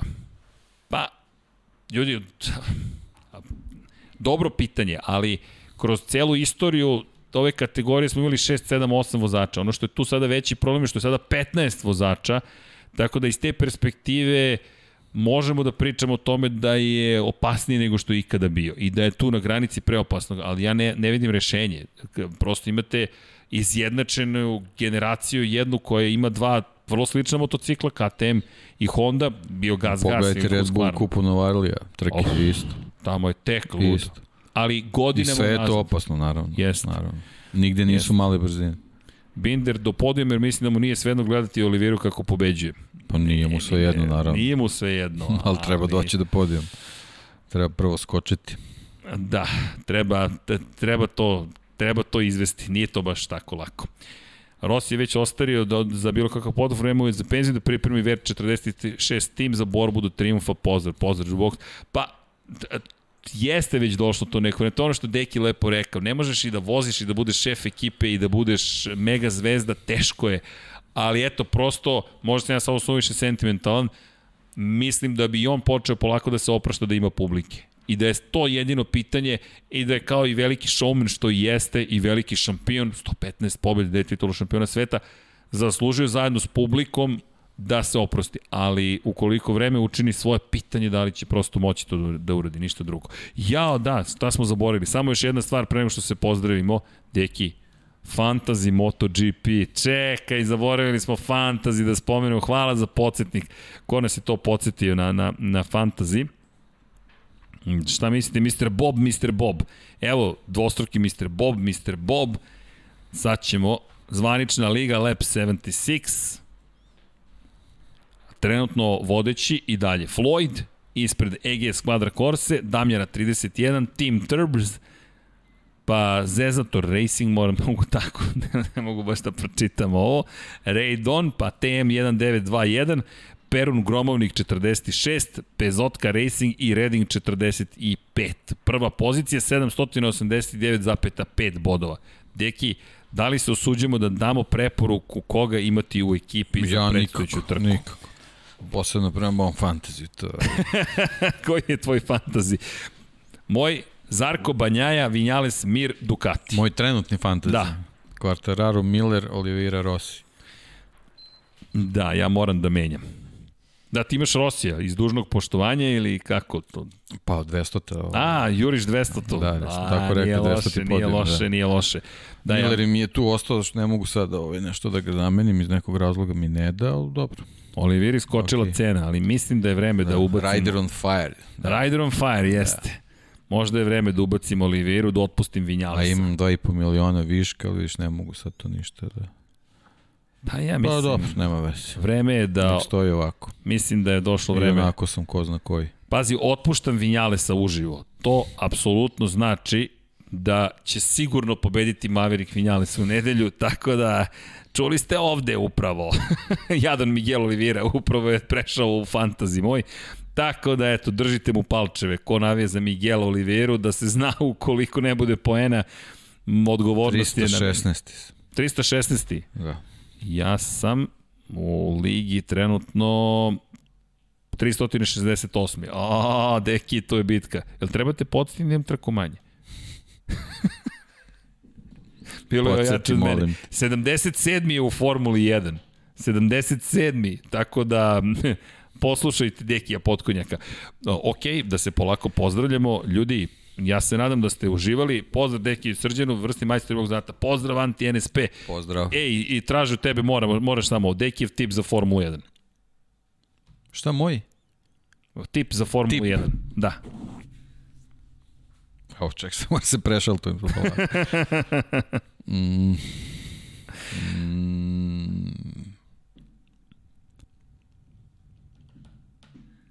Dok on, Nije, nije, nije. Dok čekaj, Deki razmišlja, ne može tako, samo ja Nusmiru da odgovorim. zbunili, Nusmir Velađić, već sam jednom pitao, ako ne počnete slati majice za inozemstvo, morat ću napraviti kopiju, ali uplatim i vama novce. Nusmire, niste čuli, ali zahvaljujući divnom Zoranu Šalamunu i njegovoj ekipi, uskoro novi sajt koji će moći i to da izvede, tako da budite spremni, već smo ga videli radi, imamo svi osmeh na licu i bit će još nekih lepih informacija, tako da znate svašta nešto pripremamo. Norris Verstappen Perez. Znaš ko me upravo zove na Whatsapp? Mama. Norris, Verstappen, Perez. Norris, Verstappen, Perez. Sad odgovorim Dok je mami. ukačio. Čekaj, da, da, da, otvorim, da odgovorim mami Da. u sred podcasta. Da. Kaže, zdravo mama, slušate 200 ljudi upravo. Nećemo to da uradimo, odbiću poziv pa ću da zovem mamu. So, javite se mami na telefon kada mame zovu. Koliko god da je ponekad zahtevno razgovarati s mamama, moramo da vodimo računa o njima, s obzirom na činjenicu da će vas uvek zvati da vas pitaju da li ste dobro, da li ste jeli, da li je sve u redu u vašem životu, da li ćete i tako dalje biti i dalje dobro dete ili ne moramo da vodimo računa o mamama. Ne znam da li je bio dan majke, ne, na ovim prostorima ne znam da li imamo dan mama zvanični. Od sada proglašamo svaki dan dan mama. To ću da zovem mamu posle ovoga da joj se izvinim što sam odbio poziv. Don Pablo kaže da sam dosadan. Nisam Don Pablo dosadan, treba voditi računa o mamama. Elem, polako da se odjavljujemo. Ljudi, dakle, Norris, samo da tiltujem još jednom. Norris, Verstappen, Sainz. Perez. Perez, Perez, Perez. O, dva Red Bulla na pobedničkom postolju, a ispred njih McLaren. To zbog boje. Misliš da sam izabrao? Ok, pobeđuju McLaren i KTM u nedelju. Deki Potkonjak je to rekao. Ljudi, hvala još jednom i što nas pratite i što nas podržavate. Udrite like ukoliko vam se dopada, kao i uvek. I ono čuveno, a ukoliko vam se ne dopada, pa ništa, ne morate da udarite dislike, ostanite neutralni. Subscribe i kao što smo rekli, pređe smo milion pregleda, to dosta zvuči neverovatno, ali hvala, hvala, hvala, hvala i hvala. Kada je reč o, o univerzalnoj poruci, pa naravno ljubav je najvažnija, vodite računa jedni drugima, mazite se, pazite se i dalje smo u akciji da pomognemo Luki 923 na 3030. Human 923 na 455 u Švajcarskoj ukoliko ste i iz perspektive onoga što uvek kažemo, gde god da ste, šta god da radite, gde god da živite, uvek nešto može da se učini pozitivno. Svakako mogu da se gledaju moto i auto trke i da se rade neke lepe stvari, podelite strast, podelite radost. Inače, čestitke i X25 ekipi koja je u moto e-sports šampionatu sve ozbiljnija, tako da ćemo i to ispratiti i rekoše možda kada postignemo uspeh stignemo u Lab 76, nikad ne reci nikad. Mi ovde volimo entuzijaste i zajednice, tako da pratit ćemo dalje razvoj situacije, javit ćemo se pa da vidimo šta se tu zbiva. Igrajte igrice, gledajte lepe filmove, skitajte, lepo se provodite i naravno budite uz nas svakog utorka, srede kada je reč o Lab 76, osim kada ih premestimo na utorak ili imamo duplu dozu, to se pa nekad desi. 99 yardi i naravno Kosmos. Deki, To bi bilo to. To bi bilo to. Ljudi, hvala još jednom, šaljemo vam more ljubavi iz studija na kraju univerzuma i naravno, budite dobri, laka noć. Ćao svima! Ćao svima.